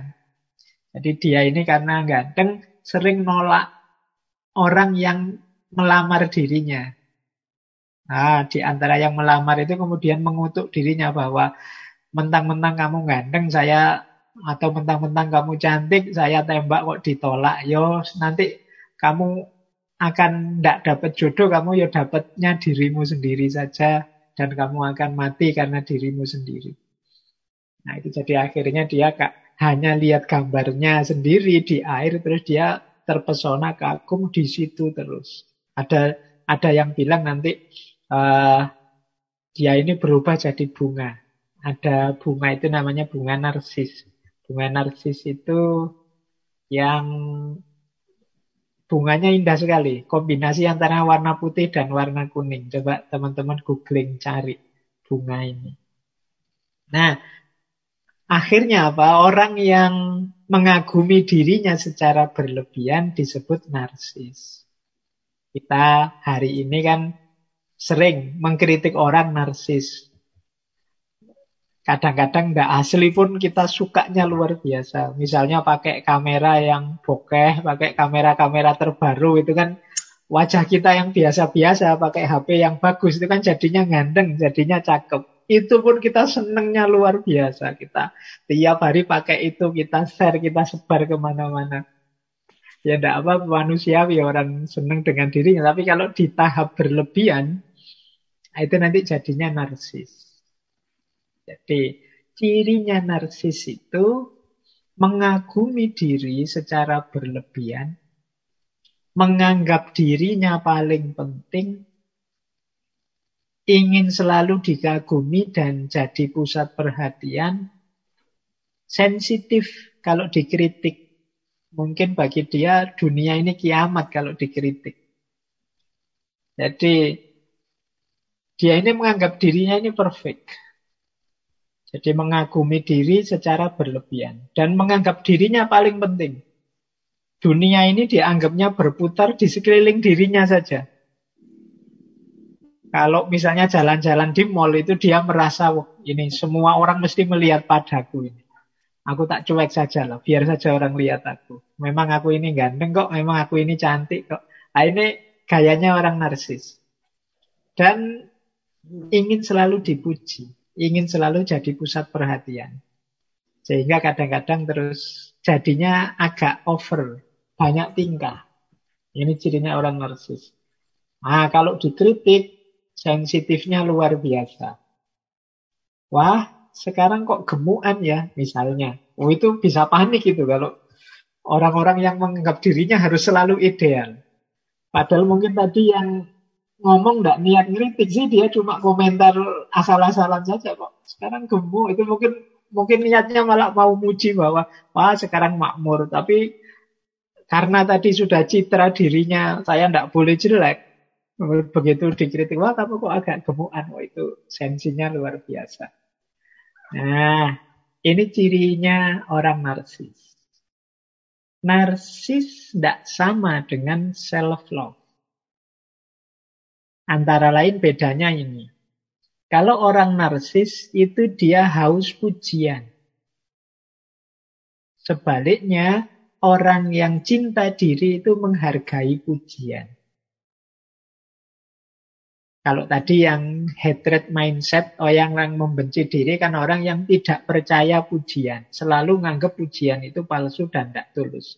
Tapi orang yang cinta diri menghargai pujian. Terima kasih sudah memuji saya meskipun saya tahu saya banyak kekurangannya. Nah, ini gayanya orang yang self love. Tapi kalau orang narsis dia lapar akan pinginnya dipuji terus. Kalau tidak ada yang muji, dia akan melakukan apa pun untuk membuat orang muji dia. Entah mungkin bikin foto-foto atau melakukan aktivitas kegiatan apa pun. Nah ini narsis. Kalau hari ini sih media untuk orang bisa narsis kan banyak. Teman-teman punya Facebook, Instagram, Twitter, TikTok, dan lain sebagainya. Jadi hati-hati orang itu bangga dengan dirinya, normal, tapi nanti level narsis tertentu ada jenis gangguan jiwa. Jadi namanya narcissistic disorder. Kalau ini sudah butuh psikiater. Nah, ciri narsis yang kedua tidak bisa dikritik. Sementara kalau self love itu terbuka untuk dikritik. Dia sadar banyak kekurangannya. Nah, jadi teman-teman boleh deh introspeksi. Kalau saya pas dikritik itu sikapku seperti apa? Kalau begitu dikritik rasanya seperti nilai diri kita langsung jatuh, muka merah padam, gemeteran, nah, itu kemungkinan kita punya kualitas-kualitas anggapan tentang diri yang agak berlebihan. Beda dengan orang yang cinta diri, orang yang mencintai diri ini sadar ya, aku ini banyak keistimewaan, kekurangannya juga ada. Jadi kritik, terima kasih sudah memberi kritik, jalanku untuk jadi lebih baik. Nah, kemudian orang narsis itu kalau gagal malunya luar biasa karena dia ini mementingkan citra-citra dirinya malu terhadap kegagalan-kegagalan. Sebaliknya, orang yang mencintai dirinya sadar bahwa ya memang aku ini bisa saja gagal, tidak ada yang memastikan orang itu sukses terus. Ya kecewa kalau gagal, wong manusiawi. Kalau tidak kecewa namanya bukan manusia, bahwa ya memang dirancang, diusahakan kok gagal, ya memang kecewa. Tapi tidak akan terpuruk. Ya gagal ya diulang lagi. Kegagalan bukan berarti keruntuhan, kehancuran. Nah ini gaya orang self masih mencintai dirinya. Meskipun mengalami kegagalan dan kecewa dengan kegagalan itu. Beda dengan kelompok yang narsis tadi. Kalau narsis ini ya, begitu gagal rasanya kiamat sudah. Dia malunya luar biasa. Nah, narsis ini juga ada indikasi seperti egoistik. Dia merasa lebih baik dari orang lain. Makanya dia sensitif dengan kritik. Jadi kalau ada orang kritik, dia merasa harga dirinya langsung jatuh. Sementara orang yang self-love, itu dia nyaman dengan dirinya. Meskipun dia tahu ada kekurangan. Makanya di awal-awal tadi dijelaskan orang yang mencintai diri itu dia tidak banyak mengeluh. Meskipun tetap melakukan perbaikan-perbaikan diri. Jadi ini bedanya. Kalau teman-teman merasa kok aku merasa lebih terus ya dibandingkan yang lain. Jangan-jangan ada kualitas-kualitas narsis. Tidak sadar bahwa di sekeliling kita itu banyak orang yang lebih dari kita. Di sekeliling kita juga banyak orang yang mungkin setara dengan kita. Jadi tunggale ya oke, kita tidak satu-satunya. Tapi kalau kita merasa kita ini selalu satu-satunya, saya yang terbaik, aku yang paling cakep loh, aku yang paling bagus loh, paling baik loh. Kemungkinan kita ada kualitas-kualitas narsis ini. Nah, orang narsis juga hidupnya tergantung yang lain. Maksudnya tergantung yang lain itu ya komentar orang, dukungan orang, like-nya orang ini jadi kunci dalam dirinya. Kayak teman-teman kalau waktu posting itu, itu kan kalau fokusnya teman-teman dalam postingan itu, aku ingin ngecek berapa orang yang jempoli, berapa orang yang komen, berapa orang yang like. Kalau fokusnya ke situ terus, kemungkinan kita punya kualitas ini. Tidak independen. Padahal ya kalau kita merasa, wah yang saya sampaikan ini baik kok, terserah orang mau komen apa tidak, mau memberi jempol apa tidak, tidak masalah. Manfaat untuk satu orang saja sudah Alhamdulillah tidak apa-apa. Nah ini orang yang self-love. Jadi menerima dirinya apa adanya secara logis. Tapi bagi yang narsis, dia perlu dukungan. Meskipun kontennya misalnya YouTube, kontennya bagus-bagus, manfaat. Tapi ketika tidak ada yang like, tidak ada yang jempoli, tidak ada yang komen, terus dia gelisah berlebihan, kemungkinan ada kualifikasi ingin menonjolkan citra diri. Atau narsis ini. Jadi ini dekat sebenarnya, tapi ya dalam narsisisme ada aspek berlebihannya. Jadi antara mencintai diri dengan mengagumi diri secara berlebihan. Antara self-esteem bangga terhadap dirinya dengan menganggap dirinya orang yang paling penting. Antara bersyukur karena banyak nikmat, banyak anugerah dari Tuhan, dari Allah, dengan ingin selalu dikagumi, ingin selalu jadi pusat perhatian. Antara sadar sehingga mau dikritik dengan sensitif tidak mau dikritik. Inilah beda-bedanya orang narsis dengan orang yang mencintai dirinya. Silakan teman-teman nanti masing-masing ngukur levelku di medsos ini masih level normal orang yang mencintai dirinya ataukah orang yang sudah jatuh pada narsis. Baik, kita lanjutkan waktunya. Nah, kalau ini bedanya narsis dengan egoisme. Eh, bedanya cinta diri dengan egoisme. Kalau self love atau cinta diri ini membanggakan diri, tapi lahirnya empati dan kepekaan terhadap orang lain. Ini cinta diri ya. Tadi kan saya bilang, berawal dari mencintai diri yang buahnya mencintai yang lain.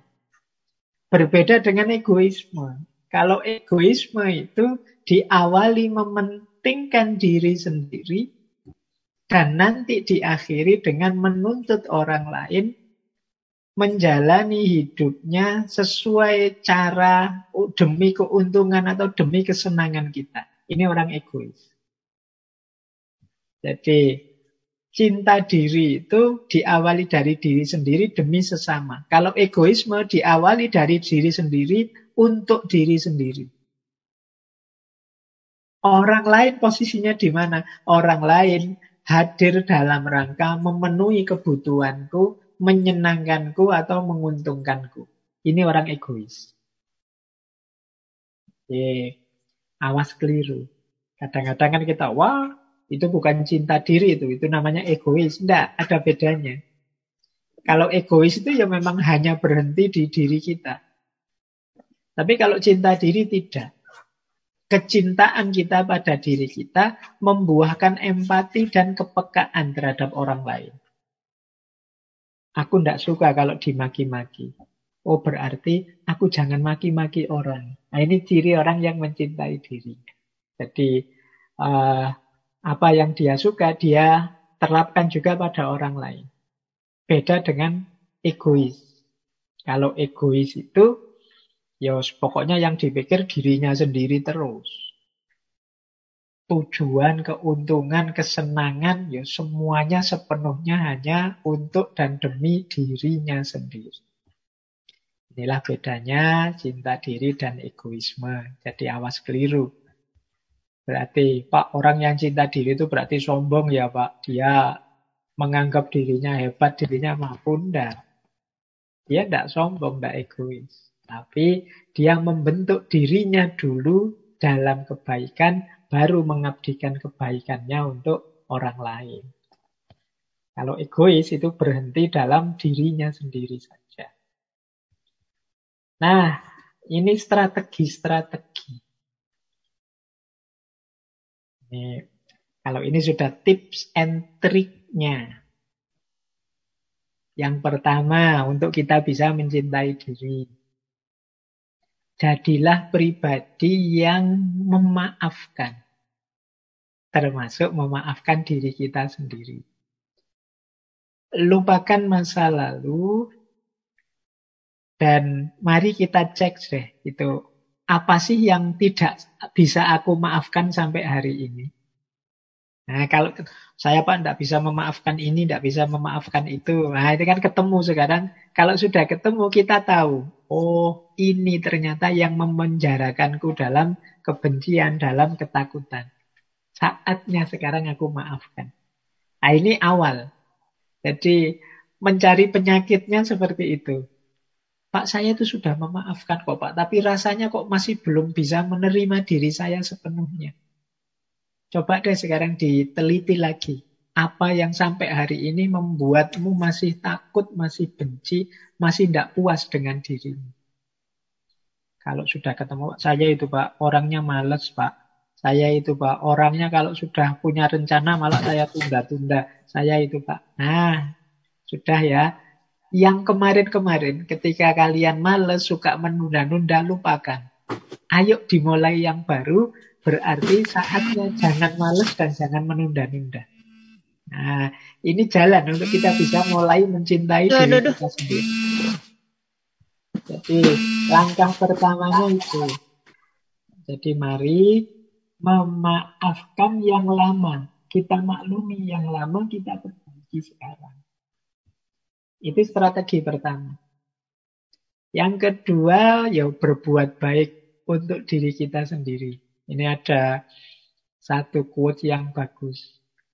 If there is no love for yourself, you are like an empty teapot. If it is empty, you have no tea to fill all the cups on the table. Kalau engkau tidak punya cinta untuk dirimu, engkau seperti teko nyateh yang kosong. Seperti ceret, seperti teko yang kosong. Kalau teko itu kosong, ya ndak ada isi tehnya. Ya ndak ada yang bisa kita tuangkan ke all the cups on the table. Ke semua gelas yang ada, semua cangkir yang ada di meja. Jadi kalau kita tidak mengisi diri kita dengan cinta kepada diri kita, berarti dalam diri kita tidak ada cintanya. Kalau tidak ada cintanya seperti teko, seperti uh, ceret seperti apalagi wadah yang kosong. Kalau kosong tidak bisa berbagi. Kalau kita ingin berbagi kasih, berbagi sayang, sharing dengan sesama, ayo kita isi diri kita dengan cinta. Cinta untuk diri kita. Dari situlah akan melimpah keluar cinta untuk yang lain. Kemudian ada lagi strategi ambillah kendali atas hidup kita. Jangan mengembangkan mentalitas korban. Kita ini sering, kalau hari ini ya kita sering pakai istilah playing victim. Playing victim itu untuk menutupi kesalahan kita, kita nuding orang lain yang salah. Atau kondisi tertentu yang salah. Wah, ini gara-gara jaringan, Pak. Makanya saya tidak lulus kemarin ujian. Putus-putus, tidak terdengar suaranya, misalnya. Ini biasanya kita yang sebenarnya gagal, tapi kita playing victim. Kita salahkan jaringannya, kita salahkan dosennya saja. Masa ngasih soal kok tidak pernah disampaikan, sudah diujikan. Misalnya. Pokoknya kita, kegagalan kita, kita timpakan pada orang lain. Kita lupa bahwa sepenuhnya kendali hidup itu ada di tangan kita. Jadi jangan mengembangkan mentalitas korban. Jangan playing victim tadi. Memposisikan diri sebagai korban. Ayo kita kendalikan sendiri hidup kita. Kalau memang keliru, tidak pas, kita akui, kemudian kita perbaiki. Kita terima bahwa kemarin saya salah. Sudah yang lalu jadi pelajaran, sekarang saatnya memperbaiki diri. Nah ini akan membuat kita bisa mencintai diri kita. Kalau kita playing victim tadi, mungkin kelihatannya kita tidak bersalah atau kelihatannya uh, orang menganggap kita tidak bersalah, tapi kita tidak bisa menipu diri kita bahwa sebenarnya ya kita ini sebenarnya memang keliru, kita ini sebenarnya memang gagal. Jadi ketika kita pelayan victim itu sebenarnya kita melarikan diri dari diri kita sendiri. Tidak mau secara objektif mengakui situasi yang terjadi. Kalau memang kita melarikan diri, ya problemnya tidak terselesaikan. Kita tidak jadi lebih baik. Sementara kita tetap juga akhirnya akan benci dengan diri kita. Wong kita tahu bahwa yang gagal itu ya kita. Jadi ketika kita tidak mengakui melarikan diri, pada akhirnya ya kita jadi korban beneran. Korban dari diri kita sendiri. Nah, strategi yang keempat, mari kita melakukan apa pun sesuai kebutuhan. Tidak harus sesuai keinginan. Nah, Biasanya orang itu yang keinginannya tak terbatas sulit untuk bahagia. Orang yang tidak bahagia ya orang yang tidak puas dengan dirinya. Mengapa engkau tidak puas dengan dirimu? Biasanya karena target ini, target itu tidak terpenuhi. Kenapa tidak terpenuhi? Bisa jadi karena keinginan kita yang tidak terkendali. Kita tidak bisa ngukur kebutuhan kita. Misalnya, kebutuhan itu, kita lapar. Kita lapar itu kan cuma butuh makan dan kenyang. Urusan menunya apa, itu urusan keinginan. Kalau kita tidak bisa mengendalikan keinginan, itu makan ya harus di restoran ini, menu yang mahal ini, itu. Sementara harusnya kalau memenuhi kebutuhan itu di angkringan saja ya cukup. Pakai nasi kucing saja ya sudah bisa kenyang. Dua bungkus, tiga bungkus itu sudah kenyang itu pakai nasi kucing. Tapi kan kita tidak sekedar mengejar kebutuhan, mengejar keinginan. Akhirnya ketika keinginan tidak terpenuhi, kita kecewa dengan diri kita. Eh, karena kita kecewa, ya sulit kita bisa cinta pada diri kita. Makanya itu ditulis hanya sedikit orang yang bisa bahagia dengan yang mereka miliki. Mereka inginnya selalu lebih. Ini namanya nuruti keinginan. Makan itu kebutuhan kan. Kebutuhan itu urusan perut. Tapi kalau keinginan ini urusan mulut wah menunya inilah selera saya ini, kesukaan saya ini, itu keinginan itu mengurusi uh, kalau bahasa Jawanya gugu karpe untu. Jadi mengikuti keinginannya gigi dan lidah. Padahal kalau sudah lewat garis lidah itu ya makanan apa saja ya sama. Jadi apakah makanan yang mahal ataukah makanan murah kalau sudah masuk kerongkongan, masuk perut itu ya perlakuannya sama. Tapi kan kita sering lebih fokus untuk mengikuti keinginannya mulut dan lidah. Ini yang sering membuat kita tidak puas terhadap hidup kita. Kita diburu-buru, dikejar-kejar oleh keinginan demi keinginan. Akhirnya sulit mencintai diri. Nah, tips lagi yang kelima, kita istiqomahkan Nah, karena ini cinta diri ini kan kualifikasi mental sebenarnya. Berarti apa? Agar benar-benar cinta itu tumbuh, yuk ya kita ulang-ulang. Kita perbaiki terus-menerus. Kalau bahasa agamanya kita istiqomahi. Kita sayang diri kita terus, kita cintai diri kita terus. Nanti dia sudah jadi karakter. Perilaku kita akan terbentuk semacam itu. Jadi perbaikan diri yang terus-menerus. Ini namanya strategic self-love. Bagaimana kita mencintai diri. Nah, kita lanjutkan biar waktunya nyampe. Nah, ini ada tips lagi yang menarik agar kita bisa mencintai diri kita. Ada tips begini. Perhatikan yang engkau rasakan. Perasaan itu seperti anak-anak. Mereka membutuhkan perhatian. Mereka hanya mencoba memberi kita pesan tentang diri kita sendiri.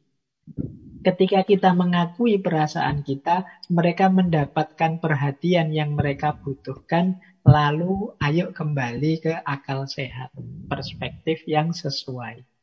Nah, ini strategi tadi ya untuk biar tidak terjebak keinginan atau mengikuti rasa yang tidak normal dan lain sebagainya. Kita ini kan dalam hidup kadang-kadang ingin macam-macam. Merasakan macam-macam. Rasa kecewa, rasa gelisah, ingin ini, ingin itu. Di antara cara mencintai apa? Akui itu. Jadi kalau di sini kan disebut perasaan itu seperti anak-anak. Sebenarnya mereka itu butuh perhatian. Mari kita perhatikan diri kita dengan segala keinginan, kebutuhan, perasaannya. Kalau sedang kecewa, akui, wah aku ini sedang kecewa. Kalau sedih, akui, aku ini sedang sedih. Kalau memang tidak suka, akui, aku tidak suka yang seperti itu. Nah ini namanya kita memberi perhatian kita akui, kita perhatikan kondisi objektif diri kita. Kalau sudah mengakui, saatnya akal sehatnya digunakan. Aku tidak suka sama Pak Guru itu kalau menjelaskan rulet, ruwet misalnya. Nah, kita akui ketidaksukaan kita. Tapi setelah itu, yuk kembali ke akal sehat. Tapi kan beliau ya guru, seperti apa pun jasanya besar terhadap aku. Nah, berarti ketidaksukaanku itu ya nanti cara memanifestasikannya tidak boleh sembarangan. Tetap sesuai dengan akal sehat. Ini jalan hidup yang memudahkan kita mencintai diri kita. Sering-sering kita itu tidak mengakui, tidak objektif terhadap kondisi jiwa kita, terhadap perasaan kita. Sehingga ya kalau tidak diakui akhirnya ya dia bergeraknya liar. Aku sebenarnya suka loh sama orang itu. Sayangnya orang itu punya suami. Nah itu kan diakui. Tapi terus ya sudah nggak dilanjutkan orang punya suami. Akal sehatnya jalan. Tapi perasaan ini diakui sehingga mudah dikendalikan. Ini tidak boleh, ini tidak boleh. Nah itu kan dikendalikan. Karena kita kita akui keberadaannya. Nah jadi ini strategi yang pertama. Kita akui, kita perhatikan apa yang kita rasakan. Kalau sudah diperhatikan, kembali ke perspektif yang sesuai, kembali ke akal sehat. Nah ini penting bagi kita agar hidup tetap terarah tapi tidak kecewa dengan diri kita sendiri. Penting mungkin kita juga harus melatih membiasakan diri untuk bersyukur hidup kita itu sebenarnya penuh dengan hal-hal yang positif. Bahkan dalam segala yang kita anggap negatif. Kalau dalam diksi agama itu ada istilah segala sesuatu ada hikmahnya. Nah, berarti apa? Ada manfaatnya. Alhamdulillah ya Allah, aku dapat masalah ini. Akhirnya aku paham caranya. Aku ngerti cara mengatasinya. Nah, itu kan syukur. Alhamdulillah aku kemarin kena sakit COVID. Akhirnya sekarang aku ngerti cara menghadapinya. Cara misalnya nanti tidak ke karantina, karantina sendiri aku ngerti caranya. Nah, itu kan dapat ilmu sekarang. Itu namanya syukur. Dalam hal yang paling pahit sekalipun kita bisa menemukan sudut positifnya.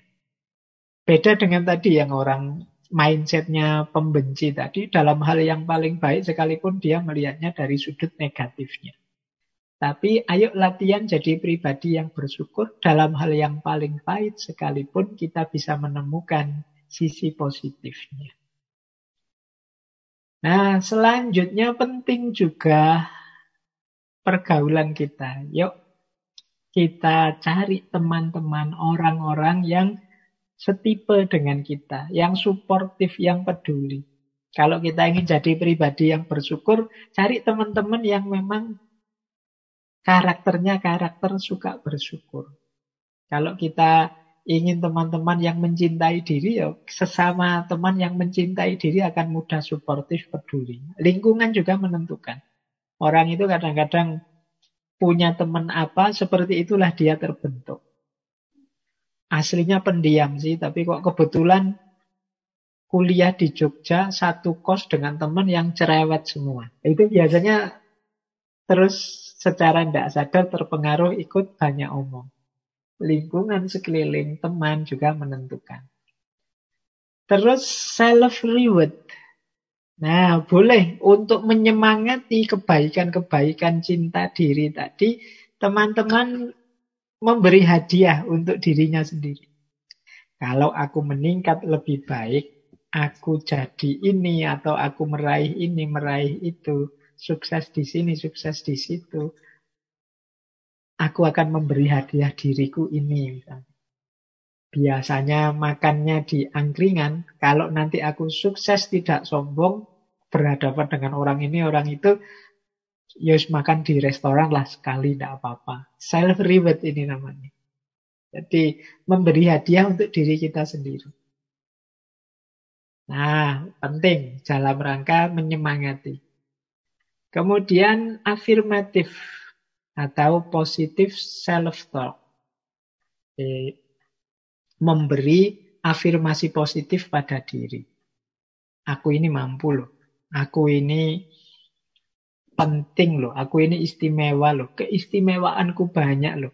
Aku ini, nah ini namanya positif self-talk. Kita itu kan sering ngobrol dengan diri kita sendiri. Sadar atau tidak sadar. Ada yang dibunyikan, ada yang tidak. Mungkin ada teman itu yang suka geruneng ngomong sendiri, itu kan self-talk namanya. Nah, Yuk sering-sering self-talk yang positif. Kalau tidak terkontrol nanti self-talknya negatif. Kalau self-talknya negatif, ya berpengaruh terhadap diri yang negatif. Jadi kan kita dalam hidup sehari-hari ini kan mengalami macam-macam peristiwa. Biasanya terus komen. Komen itu ya gerundeng sendiri, mengucapkan sesuatu sendiri. Nah, usahakan sifatnya selalu positif. Positif self-talk. Nanti kita ada beberapa contoh untuk positif self-talking. Baik. Ah, itu materi-materi. Saya ingin tadi sudah janji sedikit perspektif tentang cinta diri ini dalam Islam. Masih ada waktu 10-15 menit. Tadi kan kita disuruh bersyukur. Nah, itu ada ayatnya surat Luqman ayat 12. Wa may yashkur fa innama yashkuru li nafsi. Wa man kafara fa innallaha ghaniyun Barang siapa bersyukur, sebenarnya dia bersyukur untuk dirinya sendiri. Maksudnya apa? Manfaatnya untuk kita yang bersyukur. Ini kalau pakai bahasa Indonesia, barang siapa berterima kasih, itu sebenarnya manfaatnya untuk yang mengucapkan terima kasih, bukan untuk yang diberi terima kasih. Ya yang kalau konteksnya ayat ini ya kepada Allah. Ya seperti saya bilang tadi, efeknya syukur yang nomor satu itu berarti adalah kepuasan kita terhadap hidup. Kalau kita puas terhadap hidup kita, kan kita bahagia. Maka wa may yashkur fa innama yashkuru li nafsi. Tidak usah khawatir. Wah Allah itu sudah tidak butuh apa-apa Pak. Kalau saya mengucapkan terima kasih ya tidak ngefek apa-apa. Saya Alhamdulillah tidak ngefek apa-apa sama Allah. Tidak. Manfaatnya untuk kita. Wa may yashkur fa innama yashkuru li nafsi. Maka kalau kita bersyukur berarti kita menerima, kita puas terhadap hidup kita, kita cinta terhadap hidup kita. Dan itu manfaatnya akan kita panen. Tadi kan cinta diri itu macam-macam manfaatnya. Kecuali kita tidak mau. Wa man kafaro fa innallaha Kalau kita kufur ya Tidak ngefek apa-apa juga buat Allah kalau kita kufur. Allah itu maha kaya, maha terpuji, ya kita saja yang rugi. Ini maksudnya ayat ini. Nah, ada hadis ini yang sering sekali dikutip. La yu'minu ahadukum hatta yuhibba li akhihi ma yuhibba li nafsihi. Ma yuhibbu li nafsihi. Tidak beriman seseorang sampai mencintai saudaranya seperti mencintai dirinya. Coba diperhatikan redaksinya. Ini kan jelas dari hadis ini sebenarnya. Yang kita dulukan apa? Mencintai diri. Sebelumnya kita sudah mencintai diri kita.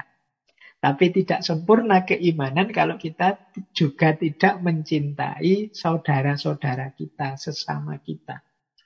Jadi bagi saya hadis ini ya perintah untuk kita mencintai diri dan mencintai yang lain. Kalau kita bisa mencintai yang lain sedalam seperti kita mencintai diri kita sendiri, itulah keimanan. Jadi layuk minu ahadukum hatta yuhibba li akhihi ma yuhibbu li nafsihi. Ini Bukhari Muslim. Jadi kalau ada yang tanya tadi, Pak, tema self love itu tema umum kan Mbak? Ya enggak, ya dalam agama juga sangat dianjurkan kita mencintai diri kita sendiri. Yang pertama itu bisa masuk ke bab syukur, yang kedua bisa masuk ke bab cinta pada sesama. Karena cinta pada sesama itu diawali dari cinta kita pada diri kita sendiri. Nah, ini lanjutannya. Kalau ini secara filosofisnya. Hubungannya hakikat manusia dengan cinta diri. Dulu teman-teman mungkin ada sesi ngaji filsafat yang judulnya fitroh. Fitrohnya manusia itu kan lima ini. Manusia itu makhluk, kemudian mukarrom, kemudian mukallaf, kemudian mukhoyar, dan yang terakhir majzi. Makhluk itu berarti hakikat kita ini hanya ciptaan. Kita tidak mengadakan diri kita sendiri, kita ini diadakan. Tapi kita juga mukarrom. Kita ini sangat dimuliakan. Kita ini ahsanut takwim. Allah sangat cinta, sangat bangga pada kita.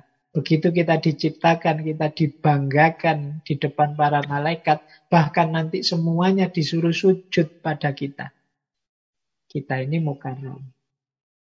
Tapi manusia ini dengan segala keistimewaannya punya amanah, punya tugas tanggung jawab. Nah, kita juga mukallaf. Kita ini punya tugas untuk beribadah dan juga menjadi khalifah. Wa ma khalaqtul jinna wal insa liya'budun inni ja'ilun fil ardi khalifah. Ini kan dua ayat yang menunjukkan taklif kita, tanggung jawab tugas kita. Menyembah Allah dan mengkhalifahi alam semesta. Nah, untuk kita menjalankan tugas, ini Allah memberi banyak sekali potensi banyak sekali kemampuan, bahkan kemampuan apa pun diberikan oleh Allah pada kita, yang kalau kita salah milih kemampuan-kemampuan ini, tugas tidak akan tertunaikan. Kita punya daya pilih, mukhoyar. Kita itu ingin bohong bisa, ingin jujur juga bisa. Kita ingin patuh bisa, kita kufur juga bisa. Ini namanya daya pilih, mukhoyar. Hanya manusia yang dianugerahi ini. Malaikat pun tidak. Setan pun tidak. Manusia yang bisa milih. Mau jadi seperti malaikat atau jadi seperti setan ya bisa. Bahkan jadi seperti binatang bisa. Bahkan lebih rendah dari binatang asfala safilin ya bisa. Ini namanya mukhoyar.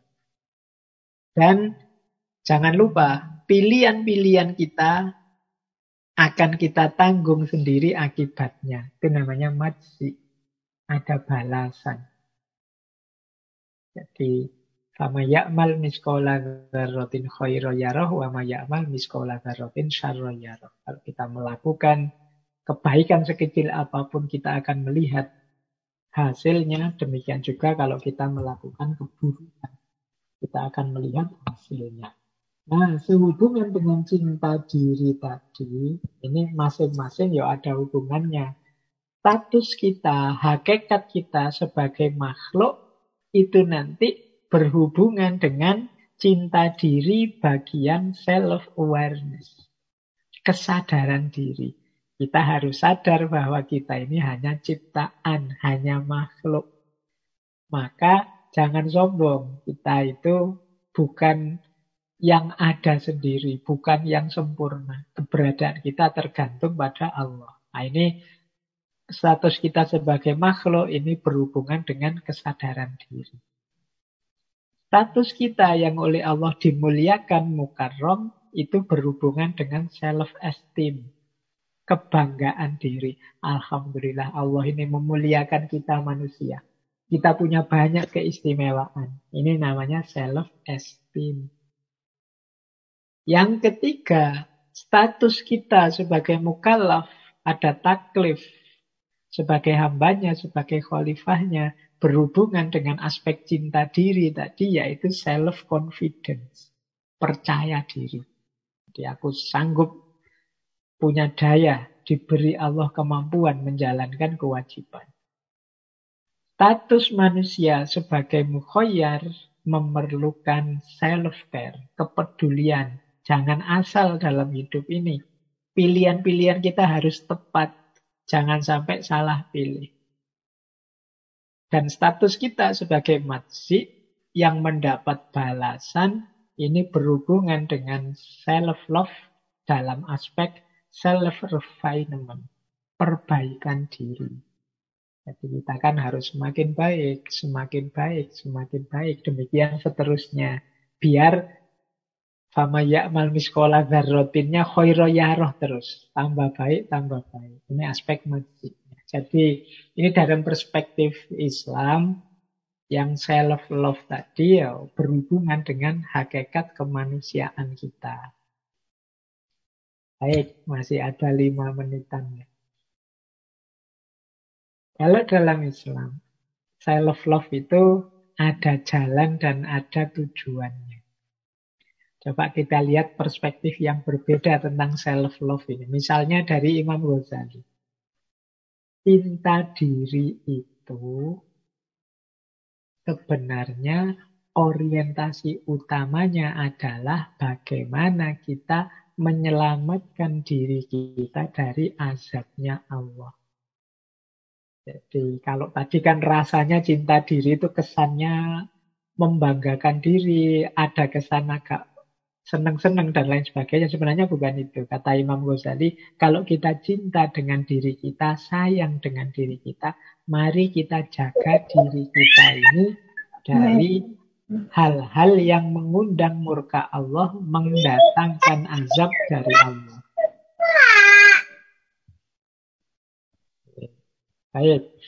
Nah, kalau menurut Imam Ghazali ya jalannya ada empat orang yang mencintai dirinya itu pasti melakukan empat hal. Yang pertama, menjauhi dosa. Yang kedua, taubat. Yang ketiga, melakukan amal soleh. Dan yang keempat, ikhlas. Sebelum membantu orang lain atau menyelamatkan orang lain. Ini karena cinta diri itu efeknya ya peduli dengan yang lain. Tapi pertama-tama dia akan menyelamatkan dirinya dulu. Jalannya apa? Menjauhi dosa. Kalau terlanjur dosa ya tobat. Kalau sudah bertobat bersih, mewarnai hidup dengan amal kebaikan.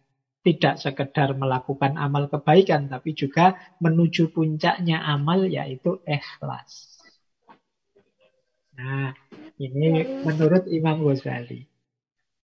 Nanti ada oh, lagi pandangan yang khas dalam tradisi tasawuf tentang cinta diri ini ada pandangan bahwa justru puncaknya cinta kita kepada diri itu selfless. Ini dalam tasawuf loh ya. Selfless itu pusat perhatian kita justru tidak pada diri kita, tapi kepada Allah. Selfless itu berarti kalau diterjemahkan letterlek seperti tanpa diri. Bukan selfish ya, kalau selfish itu egois. Selfless itu kita tidak lagi fokus pada diri kita, tapi fokusnya pada Allah. Ketika kita fokus pada Allah, berarti kita ingin mencari ridhonya Allah, otomatis nanti kita akan mencintai diri kita. Bukan karena diri kita sendiri, tapi karena ketika kita fokus pada Allah, kita akan menjalankan, kita akan mencari ridhonya Allah termasuk yang berhubungan dengan diri kita. Allah itu sangat sayang pada kita. Allah itu mencintai kita. Allah memerintahkan kita untuk memperhatikan diri kita. Maka kita lakukan itu. Jadi cinta diri ini kalau dalam tasawuf itu jadi efek. Jadi lanjutan dari kecintaan kita kepada Allah. Karena kita cinta pada Allah, maka kita cintai diri kita. Karena diri kita ini adalah amanat juga dari Allah. Jadi cinta diri kita ikut tumbuh ketika kita mencintai Allah. Nah ini perspektif yang khas dari dunia tasawuf. Mungkin lain waktu kita bisa lebih memperdalam ini. Karena banyak isu-isu tasawuf yang menarik. Termasuk dalam hal self-love ini. Baik, terakhir sekali dari perspektif kajian Islam. Yo, ini saya bacakan saja. Ini termasuk self-talk yang positif. Tapi islamik dari dunia tasawuf. Yang pertama, sering-sering mengafirmasi terhadap diri kita bahwa aku ini istimewa karena ciptaannya Allah. Tidak ada ciptaan Allah itu yang sia-sia, tidak ada gunanya. Jadi ini untuk membangun rasa cinta pada diri kita. Kita ini makhluknya Allah dan ciptaannya Allah pasti berkualitas dan istimewa. Tidak ada yang sia-sia. Yang kedua, pikiranku, pandanganku itu juga anugerahnya Allah. Dan pasti berharga.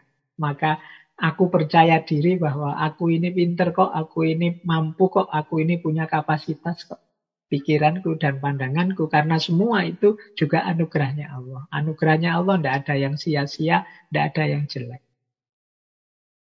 Nah, kemudian yang ketiga, self-talk affirmation, aku fokus pada apa yang bisa aku kontrol, yang bisa aku lakukan. Yang harus aku lakukan akan aku lakukan, yang harus aku hindari, aku hindari. Hasilnya terserah pada Allah saja. Sehingga nanti apa pun hasilnya, positif atau negatif, kesuksesan atau kegagalan, itu di luar kuasaku. Kuasaku hanya memberikan yang terbaik yang aku mampu. Nah ini mengurangi nanti kalau ada hasil-hasil yang mengecewakan. Dan yang terakhir, semakin aku memahami diriku, semakin aku paham kebesarannya. Karena ikhwal diriku, dinamikanya, naik turunnya, semuanya adalah ketetapannya. Menunjukkan betapa Allahu Akbar, betapa Allah itu maha besar. Sampai ada orang seperti aku ini, dengan segala kelebihan dan kekurangan. Jadi, mari sering-sering self-talk ini pada diri kita untuk menumbuhkan rasa cinta, rasa sayang kita pada diri kita sendiri sebagai bagian dari cinta dan kedekatan kita kepada Allah. Baik, uh, saya kira itu ya teman-teman untuk malam hari ini. Ini mohon maaf tadi saya bilang memang ini sebenarnya ya versi Zoom saja dari yang seperti biasanya. Meskipun Zoom kita tidak membuka tanya jawab. Kalau ada pertanyaan, tulis, sampaikan ke teman-teman takmir, nanti kita ada sesi khusus tanya jawab di minggu terakhir. Jadi biar tidak banyak motong materi-materi karena Kalau ngomong tidak tuntas kan tidak enak, makanya saya ngomong dua jam langsung. Teman-teman sampai ngantuk-ngantuk tidak masalah, nanti kan bisa didengarkan rekamannya. Yang penting saya tidak terputus bicaranya. Yeah. Baik, saya kira itu untuk malam hari ini. Ya, kurang lebihnya saya mohon maaf. Insya Allah kita ketemu lagi minggu depan di tema yang berbeda, agak kontras dengan hari ini. Minggu depan kita membahas people pleaser. Saya akhiri sekian dari saya. Wallahul muwafiq. Wallahu a'lam bisawab. Wassalamualaikum warahmatullahi wabarakatuh. Baik, terima kasih kepada Bapak Faiz yang telah menyampaikan uh, kajian tentang bagaimana sih cara kita mencintai diri uh, diri sendiri begitu. Uh, mudah-mudahan dengan penyampaian Pak Faiz ini dapat kita amalkan dan juga memberikan pencerahan agar uh, kehidupan kita lebih baik ke depannya. Uh, dan terkait mengenai pertanyaan teman-teman, uh, itu akan di apa namanya di, disediakan sesi yang khusus mengenai uh, bahasan pertanyaan-pertanyaan dari rekan-rekan sekalian. Mungkin begitu saja. Maaf atas segala kesalahan dan kekurangan. Uh, saya tutup. Billahi taufik wal hidayah. Assalamualaikum warahmatullahi wabarakatuh.